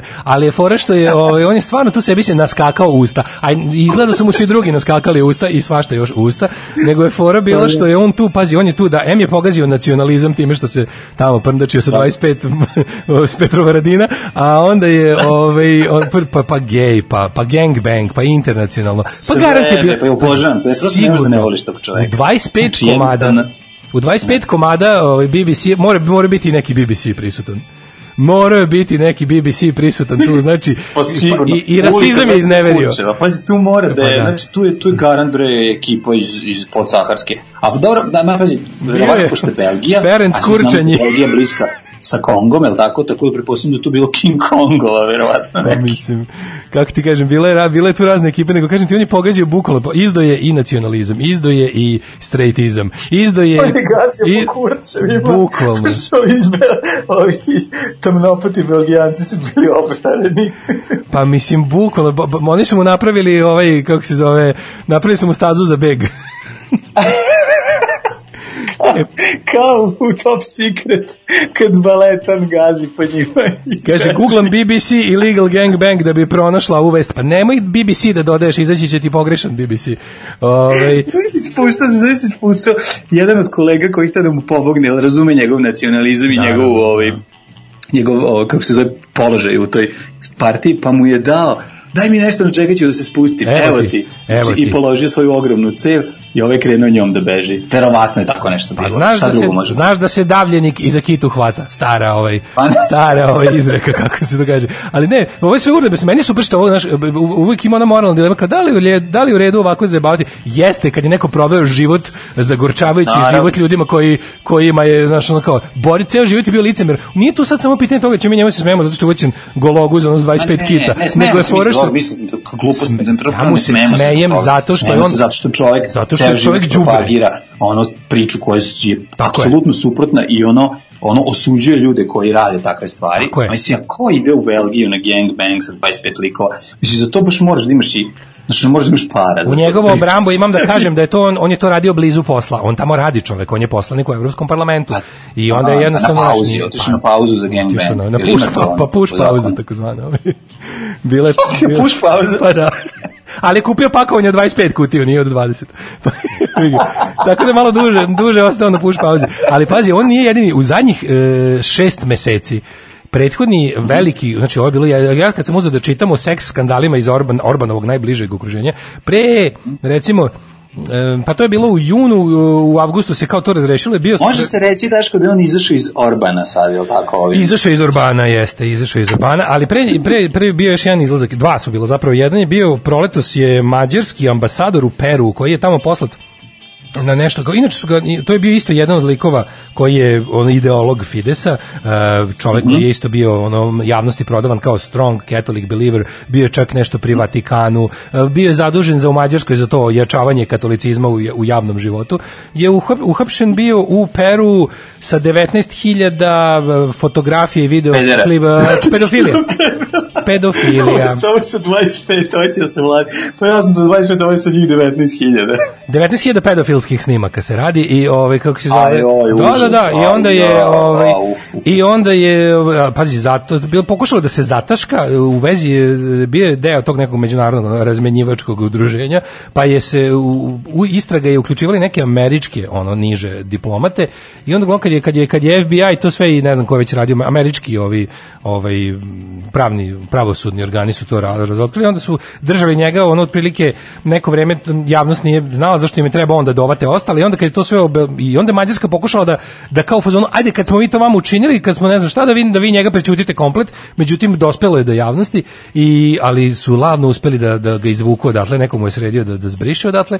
I u Mađarskoj je osuđen na uslovno ono kao na nanogicu plus, e, ne znam, nešto, platio je nešto tipa 50.000 forinti, ili 500.000, ne znam koliko platio, ali uglavnom izvuko se bez, ovaj, e, ono kao zglajzao je politički, izvuko se bez ne znam ničega, ali znaš, onda je bio treći neki, sad ne mogu tačno da se setim, zato što znam da u zadnjih 6 do 9 meseci tri Fidesova visoko pozicionira, ovaj treći je uhvaćen Ovaj treći uhvaćen isto u nekim ono, a mislim da su bile ono neke prostitutke ženskog spola sa nekom drogom recimo. Proverit ću još jedno malo mi izvetrilo juče ovaj ovaj iz glave, ali juče kad sam čitao ovom linkom su linkovi su me vodili dalje kao ostalim kao ostalim porodičnim vrednosničarima. Uglavnom ovaj će biti heroj ovaj de, Pa, ovaj treći. da je ovaj ma Da, da, da, užasno, pa mislim, kad budu radili- strašno, ali mislim ovaj kako će mislim kako će se stranka oporaviti sad pošto ovo ne mogu da zataškaju. Mislim ovo sad svi znaju. Mlađo, mislim da je ono kao trenutna ova situacija gde su ljudi toliko poplašeni gledaju samo da se ne zaraze ili ako se zaraze da se ne zaraze gadno ili znaš ono, ovi toliko koriste, ali mislim ne može to večno da traje. Ti se sećaš da smo mi proletos u jednom trenutku ipak popizdali da smo videli koliko je taj režim zapravo slabi da će oni eh, šta god žele da urade, ako se mi pobunimo oni odustati.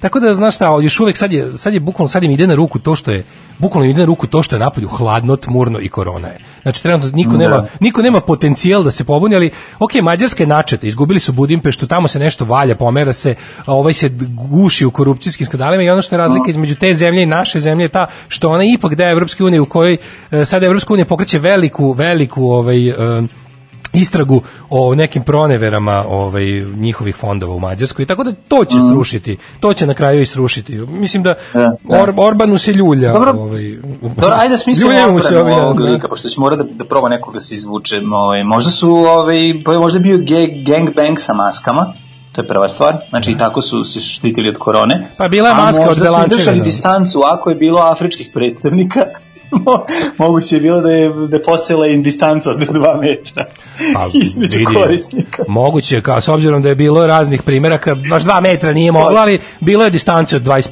30, Pa, 35. Bilo je distanci 25-30 cm, mislim što je ono što može, da se- mislim čovjek može da se izvuče ako su vodi računa i ako su se prskali i zalivali alkoholom, koji znamo da je dezinfekcijno sredstvo, Da. sve zajedno ako se uzme, čovjek će ovaj, još postati heroj ovaj, Heroj korone, borbe protiv korone. koji uspe da se zadovolji sa 25 likova, a da se ne zarazi.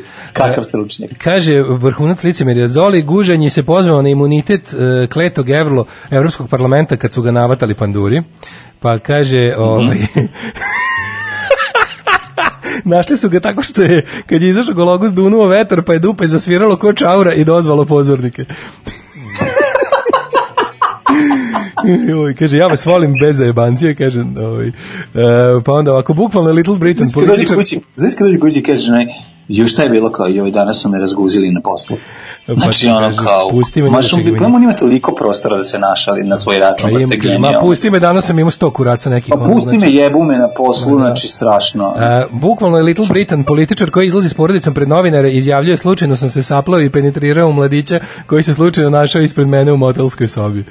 E, čovek u pauzi upalio grinder pa mu iskočila reklama napaljeni gangbangeri na samo 2,4 km od tebe. E, kaže, treba da promeni ime stranke iz Fides u Fitness. Bio sam na školovanju u Luksemburgu, e, firma kasno bukirala, pa sam bio u hotelu u kome odsedaju europarlamentarci. Da vidiš najbolje što Tajland ima da ponudi i sa pišom i bez. Oj, kaže, ako mu propadne sad politička karijera, smešimo se OnlyFans, BBC, gangbang karijera. Pa može da, zašto da ne, mislim, može tamo da razvaljuje. Kaže, da ovaj, razvaljuje. e, kaže, kasno sam se uključio, nisam čuo početak priče, pa sam pomislio kad ste pričali o šovinizmu i porodičnim vrednostima da su uvadili Šešelja i Boška Obradovića. Pa mislim, to bi, to bi bilo super. Ove, nego jedna druga stvar, ti što su najglasniji, ali uvek je, mislim, to je 90, ne znam, 5% slučajeva, znači iza toga se krije ono Uzmi da googlaš. latentnost. Uzmi da googlaš. To, to, to, Uzmi da googlaš recimo te kažem ti Amerikance, te sve od onoga onaj Ted Haggard, onaj onaj što je vodio najveću tu kao deconversion kliniku za ne znam za za lečenje homoseksualizma kako oni kažu i ostalo. Da, Pogledaj se da. znači taj Republican ovaj governor, Republican mayor, ovaj onaj uh, pent, ovaj evangelical Christian preacher, ovaj onaj ti svi neki što vode te medijske velike crkve, znači bukvalno svaki u svom Wikipediji unosu ima ima ovaj sexual scandal controversy poglavlje. Bukvalno, Da, znači, da, da. i to je najbolje on kao oni stalno od ljudi, oni oni oni vataju ljudi na priču, znači on kao uh, traže ljudi standarde kojih sami ne mogu da se drže. I to je potpuno genijalno, to je potpuno genijalno. Pa mislim to crkva radi, mislim to to je ono to to, to je ta kombinacija večna. Da. Slušamo da. Big Audio Dynamite. Evo Big. Why don't you play the tune? I don't like music.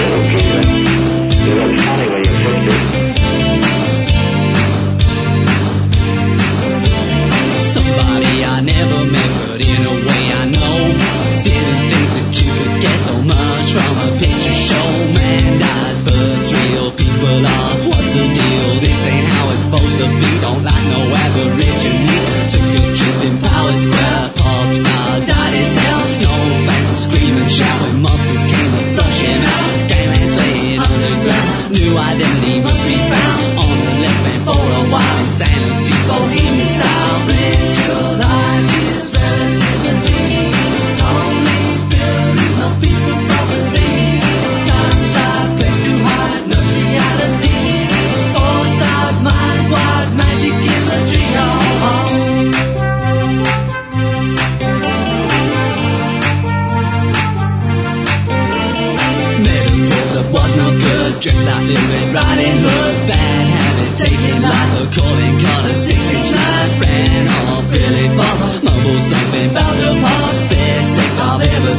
if each moment was a loss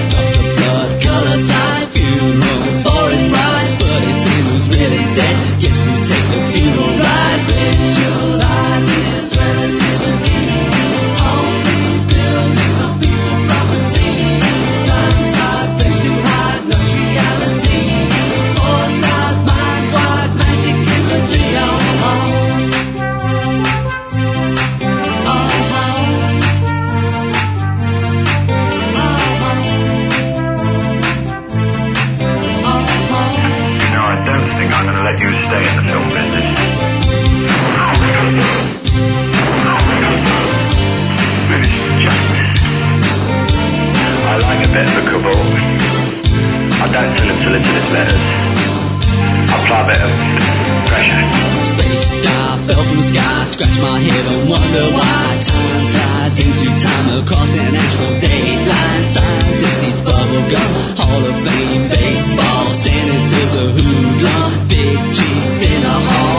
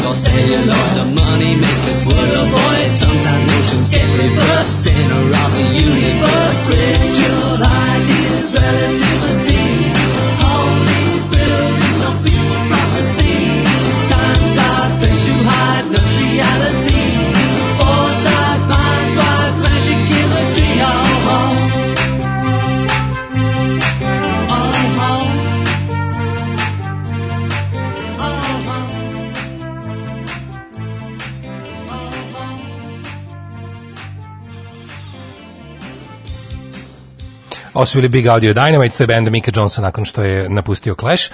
Ove, mm -hmm. um, kaže ovako. Um, mm, mm, Jel postoji mogućnost da je to samo jedan veliki nesporazum? Opšte je poznato da mađarski niko ne govori, a zvuči jako zavodnički. Moguće da je čovjek čitao onaj mađarsko-engleski rečnik iz Monty Pythona. Se sećaš tog, tog skreča? da, da. Kao, da li ste vi kao čovjeku se sudi čovjeku se sudi zato što je objavio knjigu opscenosti pod izgovorom rečnika. Kaže, to nije tačno. Molim vas, preve- prevedite mi ovo što ste napisali da se na, da se na mađarskom da li želite da mi pokažete gde je železnička da li možete mi kažete gde je železnička stanica e, preveli kao molim vas pokažite mi svoje guzove o, Dakle, moguće da se o tome isto radilo. Pa, ovaj, sad ćemo da pređemo malo na priču. O, ima ova neka nova, meni je interesantna ova, ova priča o vakcini koja se sada kao ubrzala i gde smo mi, gde je svet, gde je Evropa, gde je Kina, gde je Rusija, gde je Amerika, ali pre toga samo jedna poruka kaže, ovaj, e, off topic od Orbanovi gej fašista. Juče slušam podcast od prošle nedelje, pa moram da podelim kako me toplina preplavila na potvrdu iz još jednog izvora da se uh, Manu Čao ogradio od prijateljstva i saradnje s Kusturicom, uvek mi je bio muzički heroj, dobri čovjek, ko stramer, sve što radi mi je delovalo baš iskreno, uvek me je bolelo to kako se uvatio s govnetom Nemanjom. Inače, preporuka za Manovu biografiju od Pitera uh, Kalšova izašla je ove godine na srpskom, derete izdao, možda ste ispominjali, ja kažem, ja sam, ja sam to lično, če sam se podružio s čovekom i lično sam ovaj, uh, ga pitao o tome i isto sam to čuo, tako da, ovaj, da, jeste, ogradio se od saradnje sa, sa ovim, ovaj, sa, Da. sa našim Pa omiljenim mislim, rediteljima. Kako može biti jednom prevaren, mislim, znaš, Da. nije, Da, da. znaš, nije, nije došao ponovo, ok, imao iskustvo s njim i shvatio o čemu se radi. E, a da li si video možda uh, Ryanair koji je poznat po tome što, na primjer, to kad smo pričali kako, pričali smo kako sa Srpskoj naprednoj stranci jako stalo da ima dobar Twitter tim i da gnjavi na Twitteru, pa to sve bude rikošet i tuga. Ryanair ima odličan i genijalan Twitter tim, uh, kompanija koja onako uvek na te, nađe uvek nekakvu dobru foru da, da izreklamira svoje, pa juče su, znači, stalno su eh, kvotovali vesti o ovom liku što je uhvaćen u Briselu i stalno su stavljali gore ukoliko planirate, ukoliko imate kao ono last minute potrebu da, iz, da hitno odete iz Brisela bilo gde, mi imamo od 14.99 karte kao i stalno su to stavljali.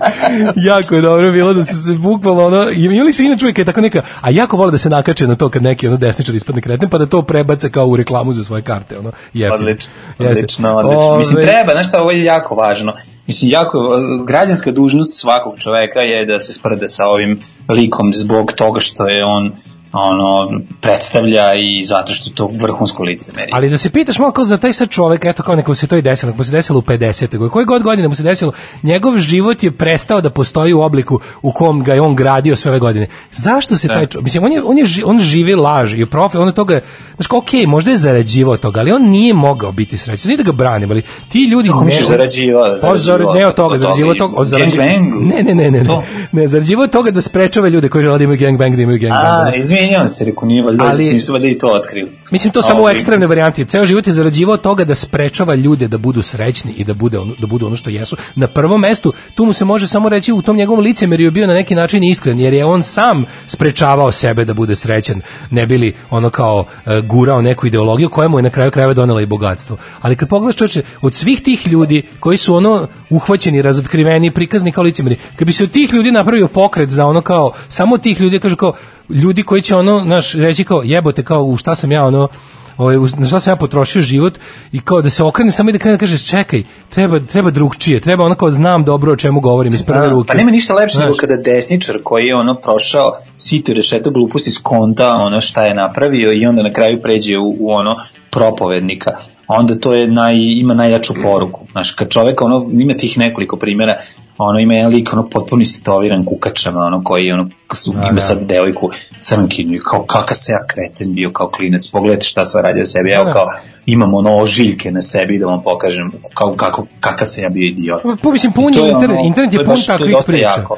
Internet je pun takvih priča. Ja bih stvarno volao da se ti ljudi ono bukvalno ono povežu međusobno i da rade, to kaže kao ono da zaustave te budale jer kao sve naše nesreće dolaze Pogledajte koliko nesreće, a samo na naj tog najbanalnijeg, koliko političke nesreće, a samim tim i socijalne, se stvara od toga što ljudi nisu ono kao mogli da budu ono što jesu, ono kao, što, kao, evo da, da im ne ulazim, da im ne ulazim ono u sve, da im kaže, ajde da nazovemo to ovako, što nisu bili onakvi kakvi, ih, kakvih, kakvi je Bog stvorio. Eto, ne moramo da ulazimo da. u toga da, budi, ka, Pa, kao veruješ u Boga, budi kakvim te je Bog stvorio. institucija, institucija koja je posrednik između njih i Boga, mislim, koja je samo, A da. samo proklamovani posrednik, je ta koja ih sprečava upravo Znaš, to. da- da- kao da Znaš, ono, jako je teško, kako je nekom ono teško koje ono, ne znam, ko je ono zakleti hrišćanin i koji ono živi u, u, u potpunom ono ne, ne, neprihvatanju sebe i, i ono poricanju E, dođi ti svojih da mu potreba kažeš i ono, znaš ti koliko je to jedan veliki nesrećan život, pa to je užas. Dođeš, dođe ti samo da mu kažeš, ej čoveč, ajde ovako, ajde sad, upravo si, postoji Bog, on je sve stvar. Ajde sad samo samo da ti kažem, nisu bili u pravu ovi što su ti rekli da, da, da te Bog ne voli e, takvog. On to je jedan dobar Bog koji voli sve što je napravio, pošto on je pogrešiv. Znači taj Bog je nepogrešiv i sve što napravi je super. Znači ne može da pravi škart. Znači to što si ti gej, to je tako treba. Znači veruj mi, nemoj da se nemoj da se ispravljaš. Znači nemoj da se ispravljaš i nemoj drugi da ispravljaš. Pošto je Bog nepogrešiv, on je sve stvari stvorio i tebe takvog nema ovaj ono kao u redu je. To je kako si izašao, ono to je vidiš vidiš da si to od uvek osjećao. To sta, možeš kriv si Pa za, da. kriv si za ono kao da ne krivimo sada ovaj Boga jel za ovo što si ti uradio za života i to sve to je do tebe. Ali ovo kako si izašao iz mame, to je Bog tako napravio, a izašao si iz mame, gej. Znači nemoj da, Da. se ispravljaš i nemoj nikog da ispravljaš. Aj tako da se dogovorimo. Bukvalno ti Da, dođe. nemoj- I nemoj, biće sve nemoj ostalo super. tužno. Iz toga će gomila super stvari da proiziđe kada ti budeš bio u skladu i u harmoniji sa sobom, živeo lepo u svom telu i, u, i kao lepo ti se tvoj ono kao um uklopio u tvoje telo, dalje će sve biti super. Biće mnogo manje sranja uopšte na svetu. To to bi bila neka. ono. Upravo to. Ajmo da vidimo to. da vidimo ove ove da vidimo uh, vaccination. E, gde smo stigli? Znači da za sad je kao najhvaljenija i najpotenciranija, da kažem, ovaj od svih je ova Pfizer. beste- Pfizer, beste njemačka da, Pfizer. BioNTech, da. I sad kao Britanija, šta se desilo? Već stvari koja me ne onako motivisala da, da opet malo se po- pozabavim tom temom je kao od, odložen je sastanak na evropskom nivou je odložen sastanak e, te kao regulative, mislim organizacija za, za, za evropsku regulativu vakcina, da odložen je sastanak zato što ne znam šta. I onda je neko tu krenuo da ovaj da mrači o tome kako se ne znam e, ima tu nekih problema, pa ne znam neće to tako brzo ni biti i onda su krenule prognoze da će vakcina biti na jesen sledeće godine. Međutim, ovi su se onda kao kasnije oglasili i rekli znači šta mi ne možemo šta god bilo, mi imamo kao našu naš pravilnik, nazovite to birokratijom ako hoćete, ali kao mi, mo, mi ne možemo pustiti ni jednu vakcinu. Drugo, um, kao pre, drugi sledeći problem je što je ovo, ova vakcina koju Pfizer hoće da izbaci na tržište, koju je prijavio kao gotov patent, to je najbrže ikad napravljena vakcina. Znaš, Da. to je i najbrže Da, da, da, ikad da. stvorena vakcina i to je samim tim ono kao u, u naučnim krugovima izaziva, kako ti kažem, ono uzbunu Da, jebi ga. ono. Pa Pa nije da, skepsu, da, nego ono da. kao izaziva želju da se pojačano proveri. Znači sad sve ono što su oni kao inače imali svoje standarde i, i, i i protokol moraju da ga ono jedno ako hoće tako brzo vakcinu koju je ovi ovi su je rekordno brzo izbacili. E sad kao fore što i znaš što je različito što kao oni nisu, nisu oni su očekivali da da će otprilike manje više sve sve kompanije doći na isti isti način, ne na isti način, nego da će smisliti manje više sličnu Znači da će doći do sličnih rešenja za vakcinu. Međutim, ispade da, su sve kompanije do, prilično različitu vakcinu osmislile. I na način koji će ona delovati i taj koji šta će biti taj vektor, šta će nositi vakcinu i drugčije su. Ova jedna mora se skladišti na ne znam, nekom teškom minusu, ova jedna mora brzo da se ovaj, e, primeni od kad se napravi logistički ono košmar od, nemam pojma, transporta, skladištenja, Da, da, da. distribucije, koga šta, ne znam, I evropski- generalno kod, kod najvećeg broja vakcina Da. to da bi uh, način skladištenja i transporta da bi ona ostala živa šta bi se reklo Da, da bi ostala živa. A u stvari imaš žive, imaš, da. postoji i mrtve vakcine i polužive i, i, i ne znam, to je sve od zavisnosti od toga šta se, š- kao koji je mehanizam delovanja i kako će, na šta će da je nakače kad ti to kao, jel kad uđe vakcina u organizam, šta će da nosi taj oslabljeni ili mrtvi virus kroz ovaj Da, da, mora neki da. mora neki živ virus da nosi ovaj tako mi se sada se ne pravim pametan otprilike kako su meni ispričali nego je fore što je Pa mislim oslabljeni, ono, Da, da. pura oslabljeni, zar ne? Velika Britanija je ovaj um, donela odluku juče, sad to je, to je bio taj kao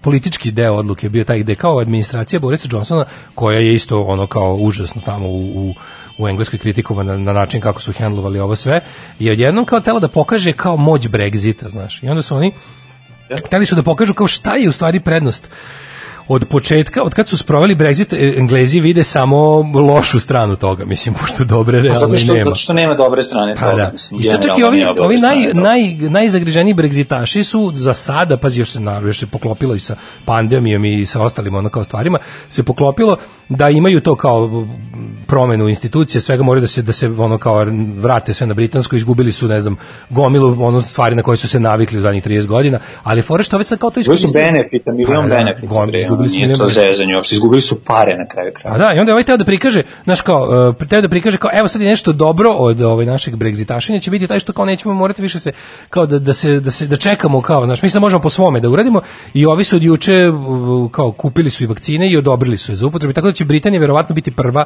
i kažu da će to već tokom sledeće nedelje da počnu da, da vakcinišu.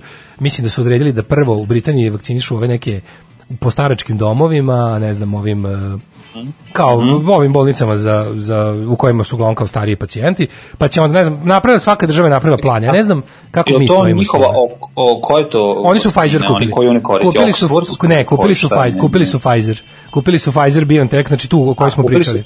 Aha, 40 aha. miliona doza, Engleza ima negde, Britanca, mislim ima negde oko 80, ja mislim miliona. Mhm. Ovaj da su, da su, a možda imaju ne znam, ne znam koje na koje stanovništvo oni tačno ovaj koliko koliko misle da da da ovaj vakcinišu i da li su da li to kad se kaže Britanija se misli na one kao teritorije za koje su oni odgovorni po mislim kao ono što oni zovu Dominioni, Commonwealth i ostalo. Da, da, da. Ove što su Jasno. malo prisnije vezane, ne ove što su što su nezavisne države koje su u nekoj kao ekonomskoj zajednici, nego ove koje su baš kao bliže Britaniji. Da li i njih, da li se i to računa u, u ove koje treba ono u kojima se stara njihovo ministarstvo zdravlja. Uglavnom mene zanima, ne znam, ne znam kod nas se uopšte ne priča vraćam sad priču na naš teren da se da se vidi kako se priča u svetu o vakcinama, a kako kod nas. Kod nas je i dalje to ono u fazonu naša vlast i dalje nama priča o to u fazonu kao ništa vi ne brinite, sve ćemo vas mi spasti, ćuti tamo ima ko o tome misli. Se primetio da je ceo javni diskurs o A, tome. naravno. I da neko koji pokuša da o tome na priča na ovaj način, da kaže kao šta ćemo kupiti, kako, gde imali plan, imali čega, to se ono kao ne pominje.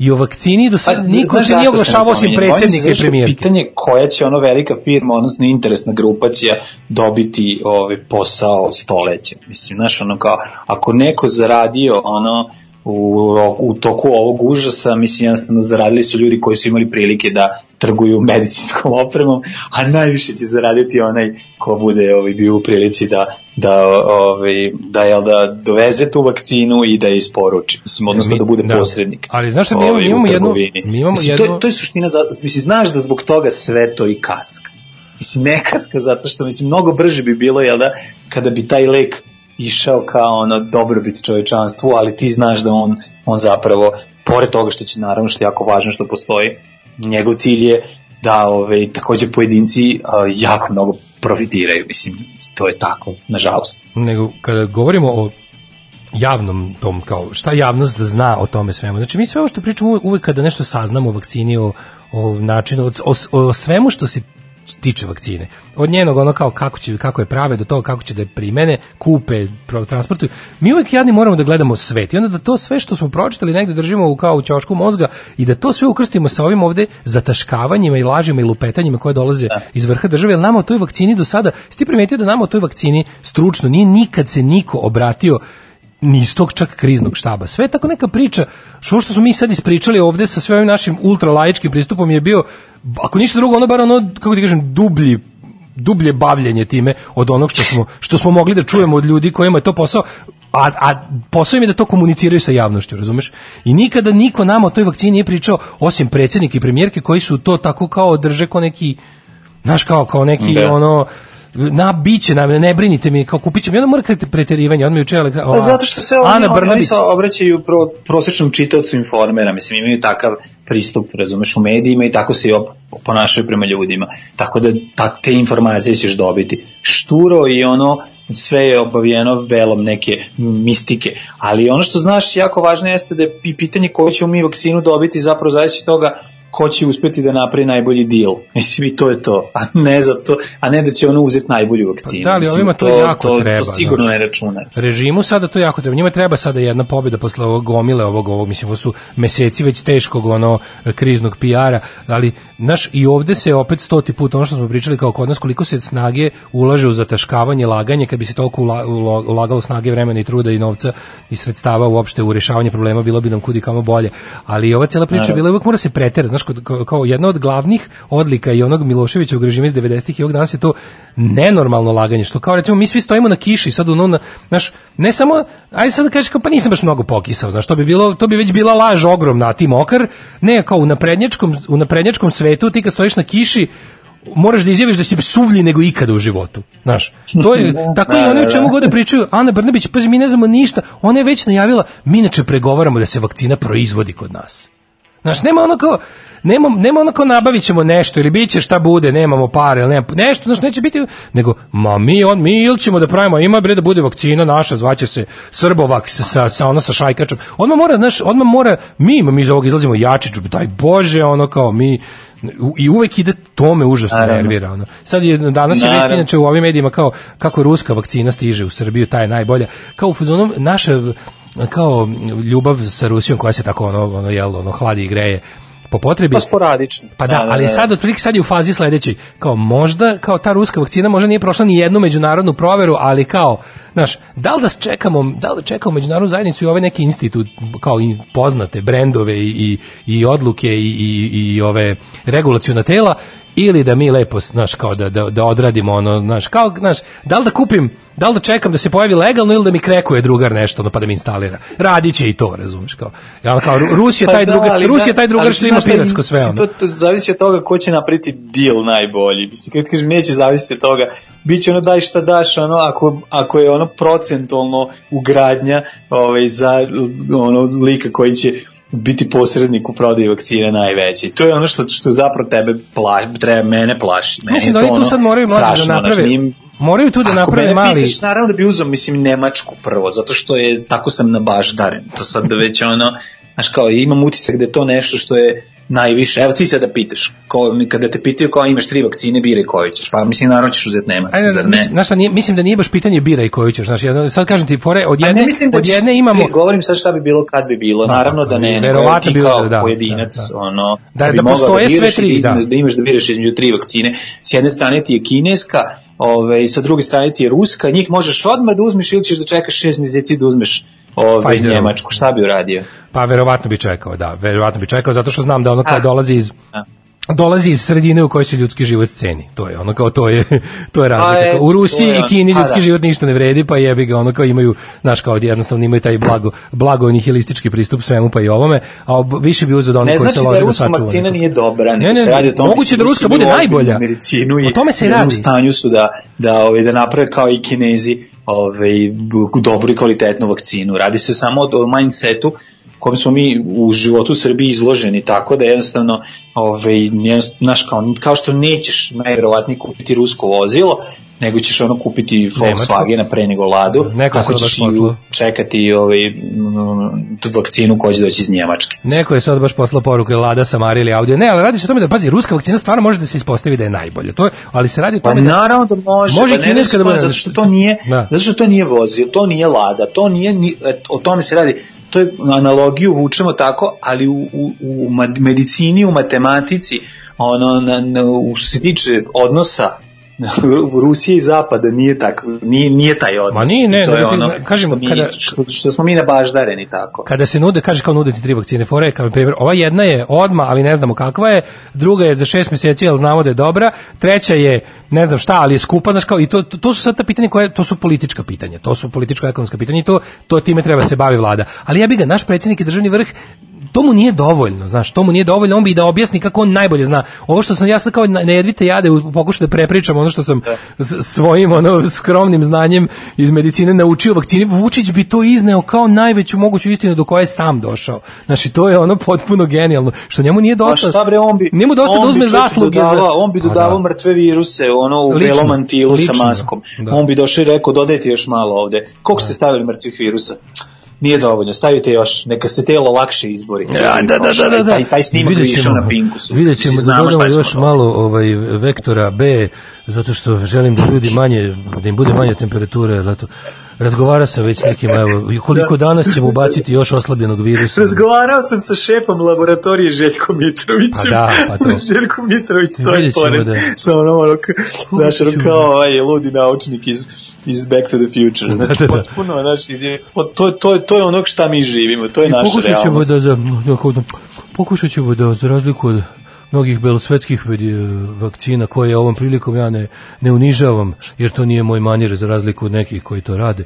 Ovaj, eh, samo kažem da eto, sasvim moguće, a ja sam već u pregovorima i sa određenim firmama iz Republike Srpske, ovaj, koji je... Da, pa vi tome. Đilasovu vakcinu ako hoćete. Uzmite Đilasovu E vakcinu, ja vas mislite da u Đilas može bolje, ja ne mogu nikog da sprečim da uzme Đilasovu vakcinu koju će napraviti možda, znaš, mislim, da te kao, ali dok ja rekao, i vidjet ćemo zato da vakcina koju nabavimo bude najbolja, jer ja, za razliku od nekih, volim da ljudi žive, a Đilas bi da umru svi, i ovaj, tako da bolje, ali još smo u pregovorima, naravno, gledat ćemo da, da vakcina koju mi, ovaj, da ljudi izađu i sa većim penisom nakon te vakcine i da im bude, sise da budu veći. I da povrate Kosovo. I da radimo i na tome, eto, ne bih sada možda da možda je prejako, ali znači e, ta će vakcina, to je specijalna vakcina koja privlači strani investitore.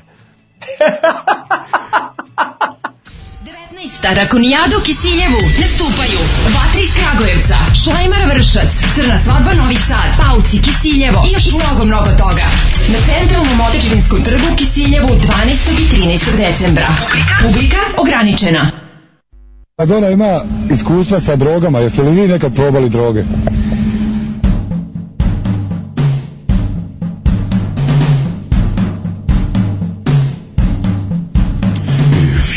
Ever like me, say me cause it's here again. If you ever doubted me, I promise it won't happen again. Stop pounding my heart, you're wrecking my chest. Take a deep breath, I am opening my black heart. Watch me standing on her doorstep, tumbling.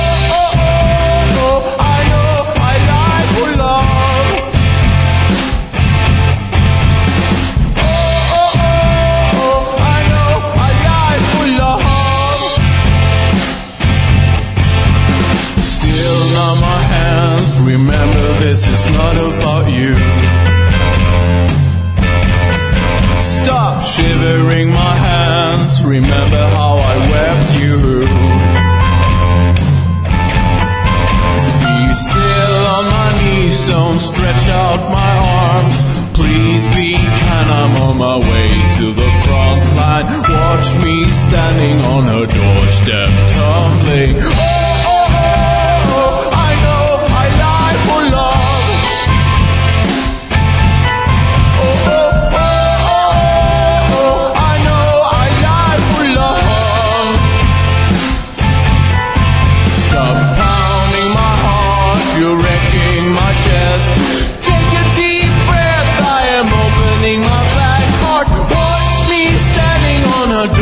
up.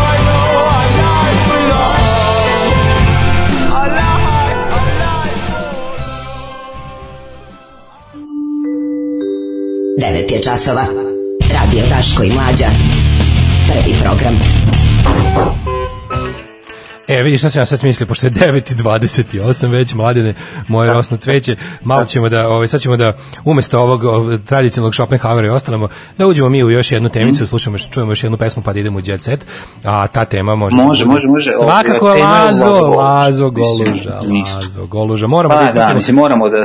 Tako je. Moramo Desila se- velikan ovaj, i jedna od jako važnih ličnosti televizijskih u našem detinstvu, može se reći u našim formativnim godinama, koji je ovaj, zaslužen za to što smo imali jedan od najlepših i najdražih kvizova koji je on stvorio, a to je kviskoteka. A, pa on je radio i brojke i slova, što je meni isto... ovaj, I radio i brojki slova, ali je ipak brojki slova su bila mlađa sestra sa sela kviskoteke koja je bila starija. Dobro, upravo si. To je drugi format potpuno, ali znaš, i brojke slova su meni bile drage zbog toga što su uvele taj em, u Americi imaš, u Americi su imali oni neke, pazi, majka tih, ze- zemlja majka svih tih TV formata, pa i kvizova je naravno Amerika. I onda oni su još od 50-ih, 60-ih imali taj dnevni format kviza, tamo je išao onaj Jeopardy, ako znaš. E, da, da, da, znaš da, taj kako njihov ne. kviz o, Leopardi. o- e, da, o geopardima, o, o, geopa, o geopardima. I to je bio ono kao neki kviz koji je bio faktički o, o rečima, ovaj, ono bio taj semantički kviz. A ovaj, onda kao kad je neko pokušao to da, mi smo imali isto te kao naša, naša jugoslovenska televizija žela da ima dobre e, show programe kviz, kviz, kvizačkog tipa. I onda je tu Da, da. stvarno ovaj gospodin Lazo je, ja mislim, ono, pa ja ne znam da li je, da, pa on je bukvalno samouki, jel, otac kviz formata, ono. Jeste, ne, on ih i smislio, vidi ovako. Ja mislim da on čak i zaštitio asocijacije, igru asocijacije kao svoju.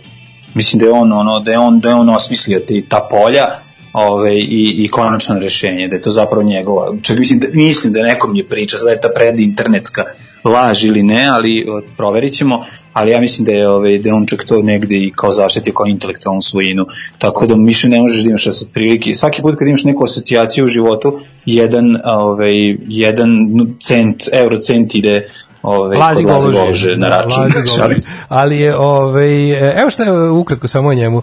Diplomirao Zagrebačkom filozofskom faksu sa Pajom Kanižajem je pokrenuo satirični list Paradoks. 67. je radi na televiziji Zagreb. E, Počeo je kao pokretač e, programa Noćne priče. E sad, autor i urednik TV igre Jadranski susret je niza kvizova. Malo ja, malo ti, 3, 2, 1, ali vredan, znaš, znam, peščani sat, kviskoteka, brojke i slova, kolo sreće. Uh, autorski je sarađivao sa nemačkom stanicom ARD, britanskim uh, Yorkshire TV, ITV, uh, francuskim Le Sinequem. Uglavnom, ovaj, da, taj format izgleda i ima i međunarodni, ovaj, što bi se reklo, franšizu međunarodnu.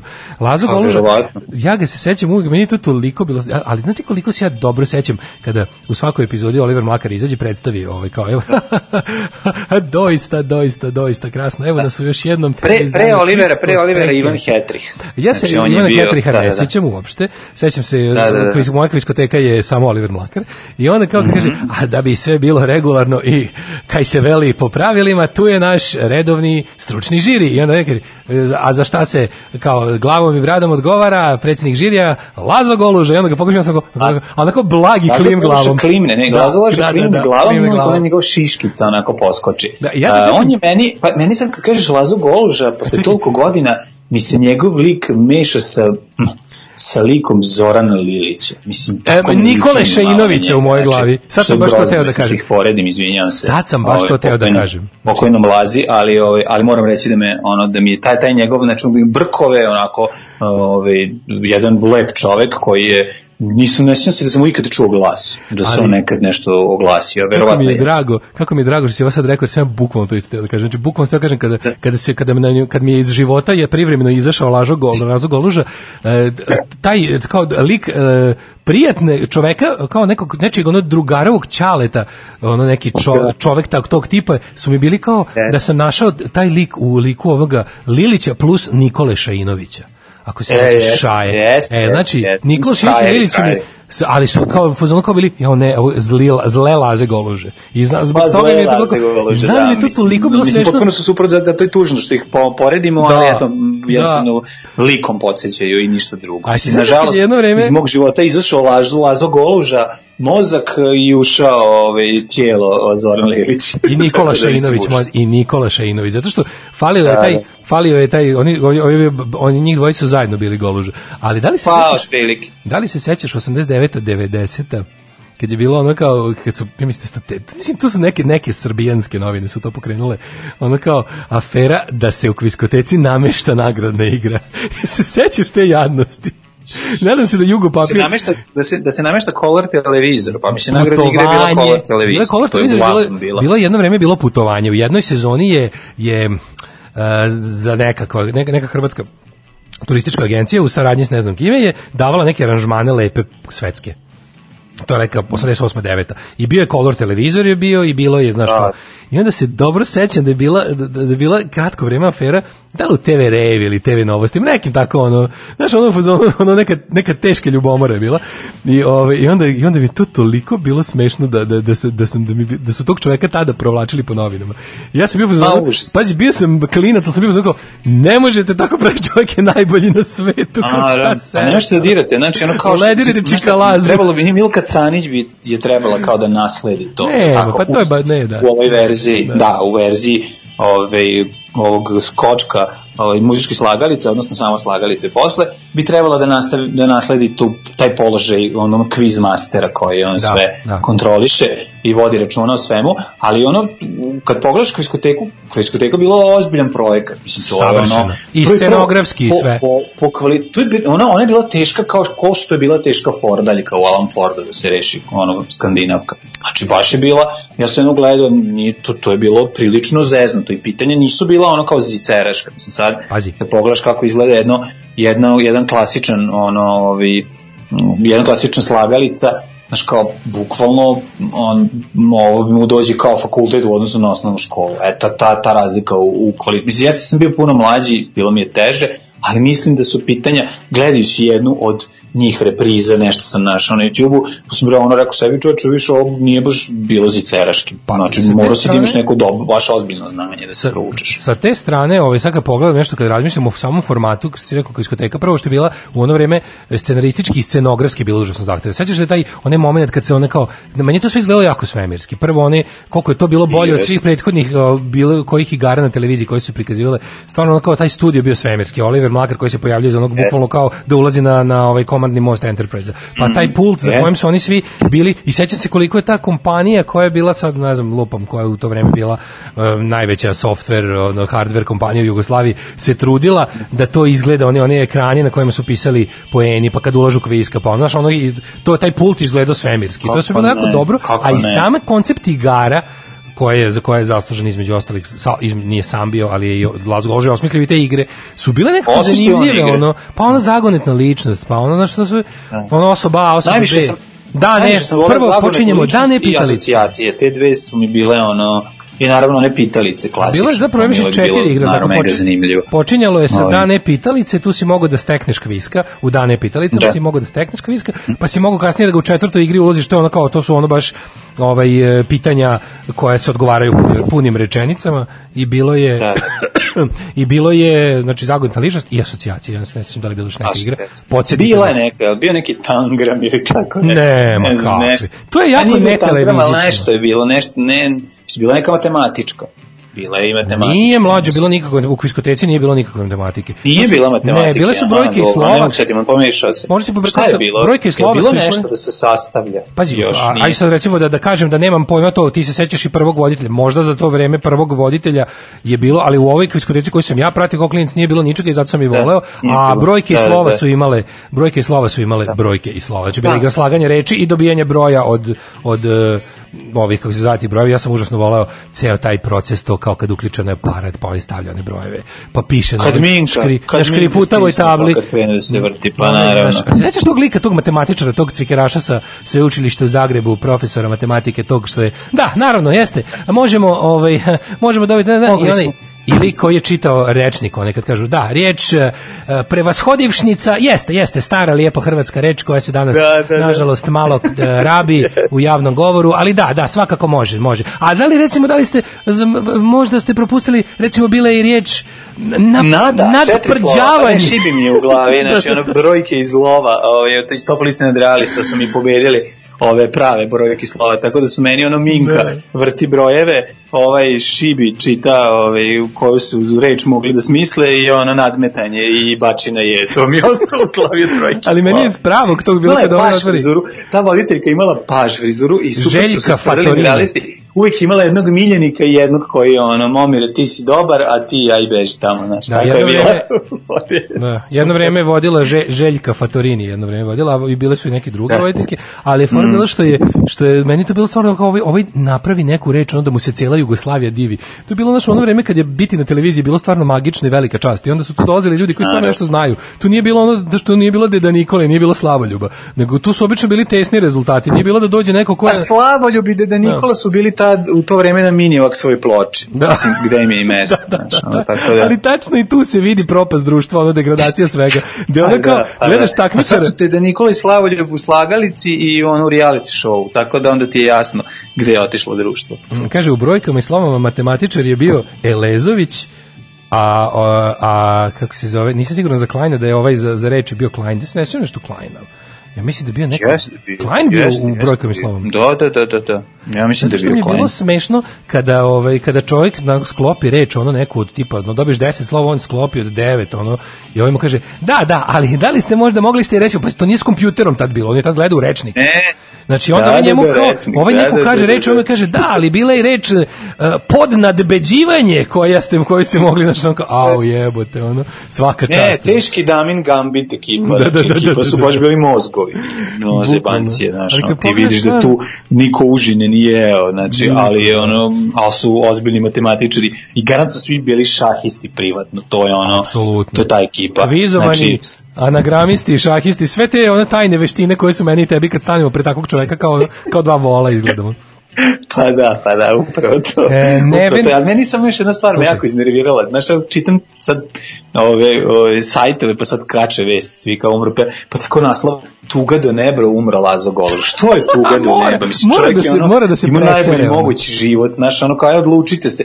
Znači, da bi napravili mamiklik, sve mora biti ono strašno, znaš, ono, aj sad izmislite. Da je umro Umro je tako sam, što mu da. pao računar galaksija na glavu, pa je ono umirao sam u stanu 40 dana, misliš, šta, ono, znaš, preminuo čovek koji je imao ono naj, no, ono, predobar život i, i ostavio toliko traga i ono uticao na, na, na, na, na, razvi, na, ono, na intelektualni razvitak, ono, na ogromne, velike države, ono, od Vardara do Triglava, mislim, ono, pre, i, i sjajan, sjajan lik, i ono otišao u, u, onako, u, U cvetu starosti, da, otišao u cvetu starosti. Pa da, znači, Kaže, kao, Neven, šta sad, slušaj ovo. sad tu tuga do neba, nije tuga do neba, nego ono slavimo njegov život. Dakle, Mislim, nije- to nije Klein- nije- da, da mlađe- upetaju, ne bi li neko kliknuo. Jer ono ko ne zna da je ko je Lazo Goluža, ako ne pročita tuga do neba, neće kliknuti, mislim, to je to. Nije Klein nego Kljajić, a Neven Elezović je bio za ovo drugo. Da li se, Aha, da li se Kljajić, sećate da, da, muzike? Da, Kljajić, pa da, za, da, da, da, da, da, povešalo mi se tu dosta to. Sećam se i muzike i špice, kviskoteke i o, jako sam volao tu muziku. I, a daj, tu, bio sam tužan kad se završava, on kao onda mora se ide u krevet, jebi ga, on kao gotova kviskoteka. Da, Da, mislim da, da da, mislim da potraje. je nešto četvrtkom, ako se ne vrme, ili jeste? Jeste, da. Znala da potraje Da, da. kviskoteka baš brutalno, onda ide do... I onda, kako smo bili, do, do, do 11 bude, ono, znam da to, da, to, to je baš bilo jako kasno. kako smo bili ovaj, uh, ponosni kad je, kad je naš novosađanin tamo briljirao. Pa onda, A, da, da, da, da, da, da, bio je ovaj, naš, on je bio istoričar, taj, mislim da ga Jeste, da, on radi u- radi u muzeju Vojvodine, On je pozdravio, On on je je, sin- pozdravio, pozdravio, da, da, da, da, pozdravio učenike osnovne škole Jan Popović, ja kako sam ja bio ponosan kad je on na, na ono, u kviskoteci pozdravio i mene, Pa da. jer on je dolazio Pa kod da. nas u, u, u dvorište školsko i znali smo ga. Da, Kako a se ovaj on je bio on je bio sin ovaj kako se zove a, gradonačelnik. Kasnije njegov ćala bio gradonačelnik Đuro kako se prezivao Bajić. Ja ne znam, ne, Bajić. ne mogu setim kako se zove, mislim da se zove Predrag nešto. Ne, ne, ne, nemam po- po- pojma, pobrkao nisam si. Ne, ne, ne, pobrkao Ali si ga. 100% bio u kviskoteci, jedan osađen, kog ja znam. Pobrkao se ga sa Predragom Markovićem, današnjim ovim SPS istoričarem koji je bio šampion kviskoteke, a ovaj naš je bio Bajić, bože kako se zove, stoji mi mozak, radi čovjek u muzeju. Aha, onda sam pomešao. Da, kako se zvao ovaj što je A, na stoji mi mozak, znači Ćale mu je bio Đuro Bajić, gradonačelnik Novog Sada, živi u ulazu pored mog na bulevaru, znači sad kad da me ubiješ, ne mogu da se setim, kolega našeg Aha. druga Voje Martinova iz muzeja. Ovaj, A, dobro, da. dobro, dobro. Em, da, mikro, Mikronik iz Zagreba, firma koja je pravila hardware i software za kviskoteku. Mikronik, Kako jeste, na špici je to kako izgledalo Cyber, znači ono, kvisko je super A. izgleda, mislim, sve to zajedno. I naravno moment kada radnici tkalje pošalju ono, od konca tri kviska ili od mesa, iz mesare te i te, iz mesne industrije venac, stigne kvisko od mesa, pa to je Ne, najsmešnije kad fantastično, smo- lupetam, ali od Dobili vijaka, smo- znam da su ga od vijaka Da. napravili. ne? Dobili smo i ovog krasnog, krasnog, doista krasnog kviska od Vijaka, od radnika kolektiva Metalo Remont iz Surdulice, iz Srbije. ah, što ćete, nikom nije drago, ali a, pogledajte, tu je i a, radnici mesno prerađivačkog kombinata Perutnina Ptuj načinili su ovog krasnog, doista krasnog kviska od mesnih prerađevina kojeg ćemo u slast sada, naravno, jel, posle sa publikom E, zajedno. a šta se, šta se desilo sa kviskom? Ima negde muzej kviska, to negde na televiziji? Pa trebalo bi. Ostalo. E, to bi bilo jaja, su- kao, kao štafete, ono, znaš, kao štafete što imaju u kući cveća, da ima kao, da ima ono kao e, spomen soba Olivera Mlakara, jer živ Oliver Mlakar, ovaj, sa, sa, sa svim živ. kviskovima, sa svim kviskovima, ovaj, to bi bilo super. Znaš da, da, da Oliver Malakar i dalje stoji njegov glas za Prizma Kragujevac, one merače pritiska. Da, da, da, da, da, to je bio Mića Orlović pre njega. A Bajić Predrag, Bra, Peć, Predrag, Predrag Bajić, Da. e, e. Ja, pa ne, Eto, ovo je bio da, da. takav bio trip down the memory lane da sad samo možemo odavde u jet set da se ubijemo. Ajmo u jet set, ajde. ajde.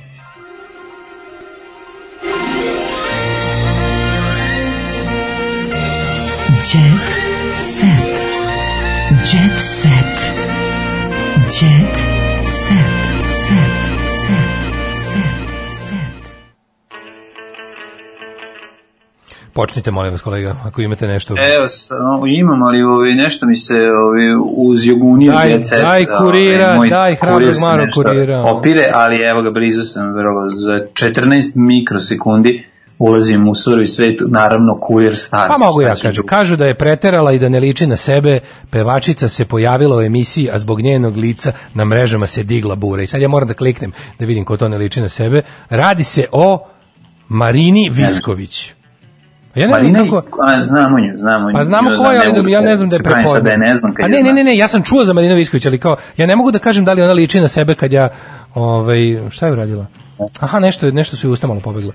Pojavila se u beloj odevnoj kombinaciji vidno preplanula, a to nije jedino što je izazvalo komentare. Na društvenim mrežama pišu da pevačica izgleda drugačije, a drugi kažu da Marina izgleda lepše. Bila je ovo nevest, dobro, aj sad ti jednu. Da, imam jednu vest koja je Jovana Joksimović, sad da te pitam, šta se dešava s njim? Ona sad negde vodi jutarnji program, ali bez srđana. A, Mislim da došlo do velikog raskola. Jel jeste šta, šizma je bila, a? Bila je šizma. Da, ona sad radi na televiziji kod svog supruga Željka, ja mislim. Pa ne znam pravo da ti kažem, da budem iskren, ja nemam pojma. Pa Evo sad ćemo da vidimo, prvi put, ja, sad ću da kliknem na vest, ovaj, dosta je ovako zanimljivo, kaže, prvi put Jovana Joksimović prvi put se oglasila o novom poslu, evo kakve uslove je dao ovaj, suprug Željko, pa da vidimo šta on kaže. Ove, mislim da, da je ona prešla solo i da više ne radi sa Srđanom, ali gde je Srđan? Ove, Srđan je ostao u, u rektumu SMS-a.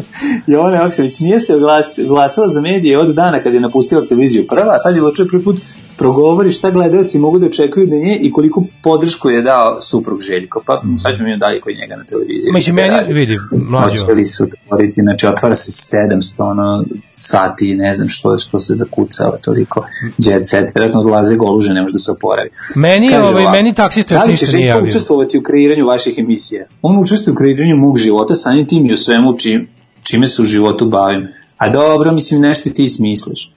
Kako izgledalo pregovarati o suprugu uslovima rada? Moj muž i ja smo tim koji deli zajedničke snove. Dobro, ajde. Ovo, ona izgleda radi kod njega na, na, Ali zamisli, televiziji.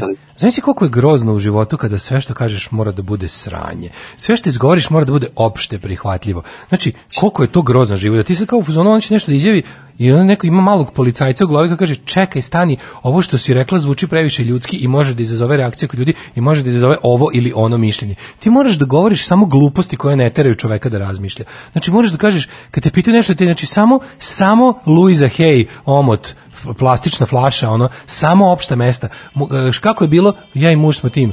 Ljubav sve pobeđuje. E, Kako je vreme danas? Vreme je da se zaljubite. Kako je, da li si, ne znam, ono kao, da si, da si zdrava? Zdravlje je najveće bogatstvo. Jebote, znači, ono kao, nemaš šanse da ono, to, to je, taj ono taj od znači on i njen muž ono život su proveli u celofanu kao daljinski upravljač u seljačkoj kući. Znači Jeste, bukvalno ono Ovaj, ali ponekad zapadnu u, ovaj, u kauč, pa tu nastane pa tu, panika. da. Da. li vam je neobično što je posle toliko vremena niste u studiju sa Srđanom? Naravno, on je neko s kim sam otpo- otpočinjala dan, moj prvi sagovornik svakog jutra, sa narednih pet minuta ono vidiš da je zaljubljena u njega. Da. Nije, Životni nije prijatelj, zaljubljen u njega. partner. Oni su, ja mislim, i kumovi. I bit će mi neobično još jako, jako, jako dugo dok se ne naviknem njega.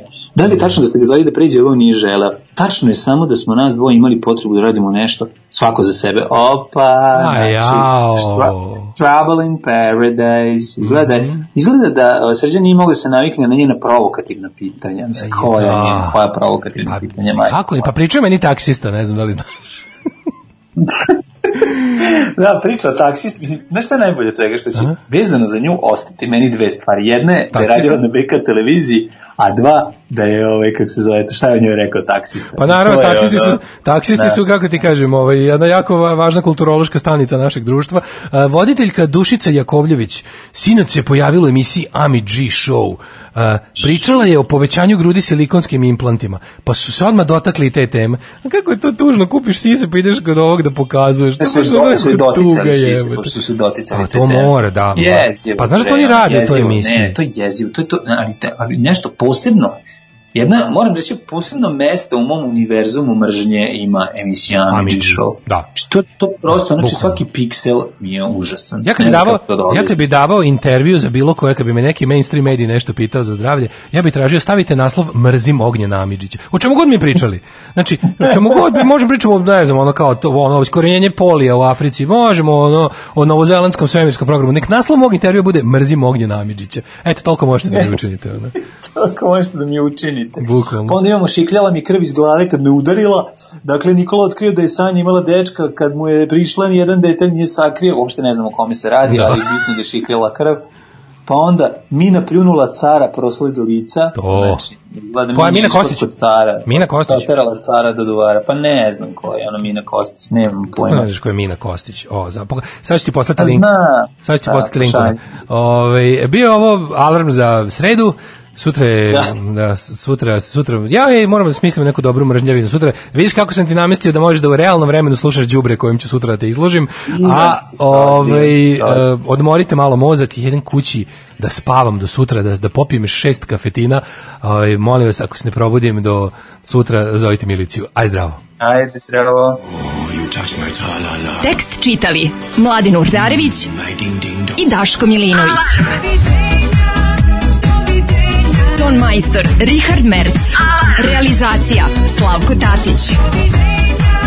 Urednik programa za mlade Donka Špiček. Alarms svakog radnog jutra od 7 do 10. You touch my tra-la-la.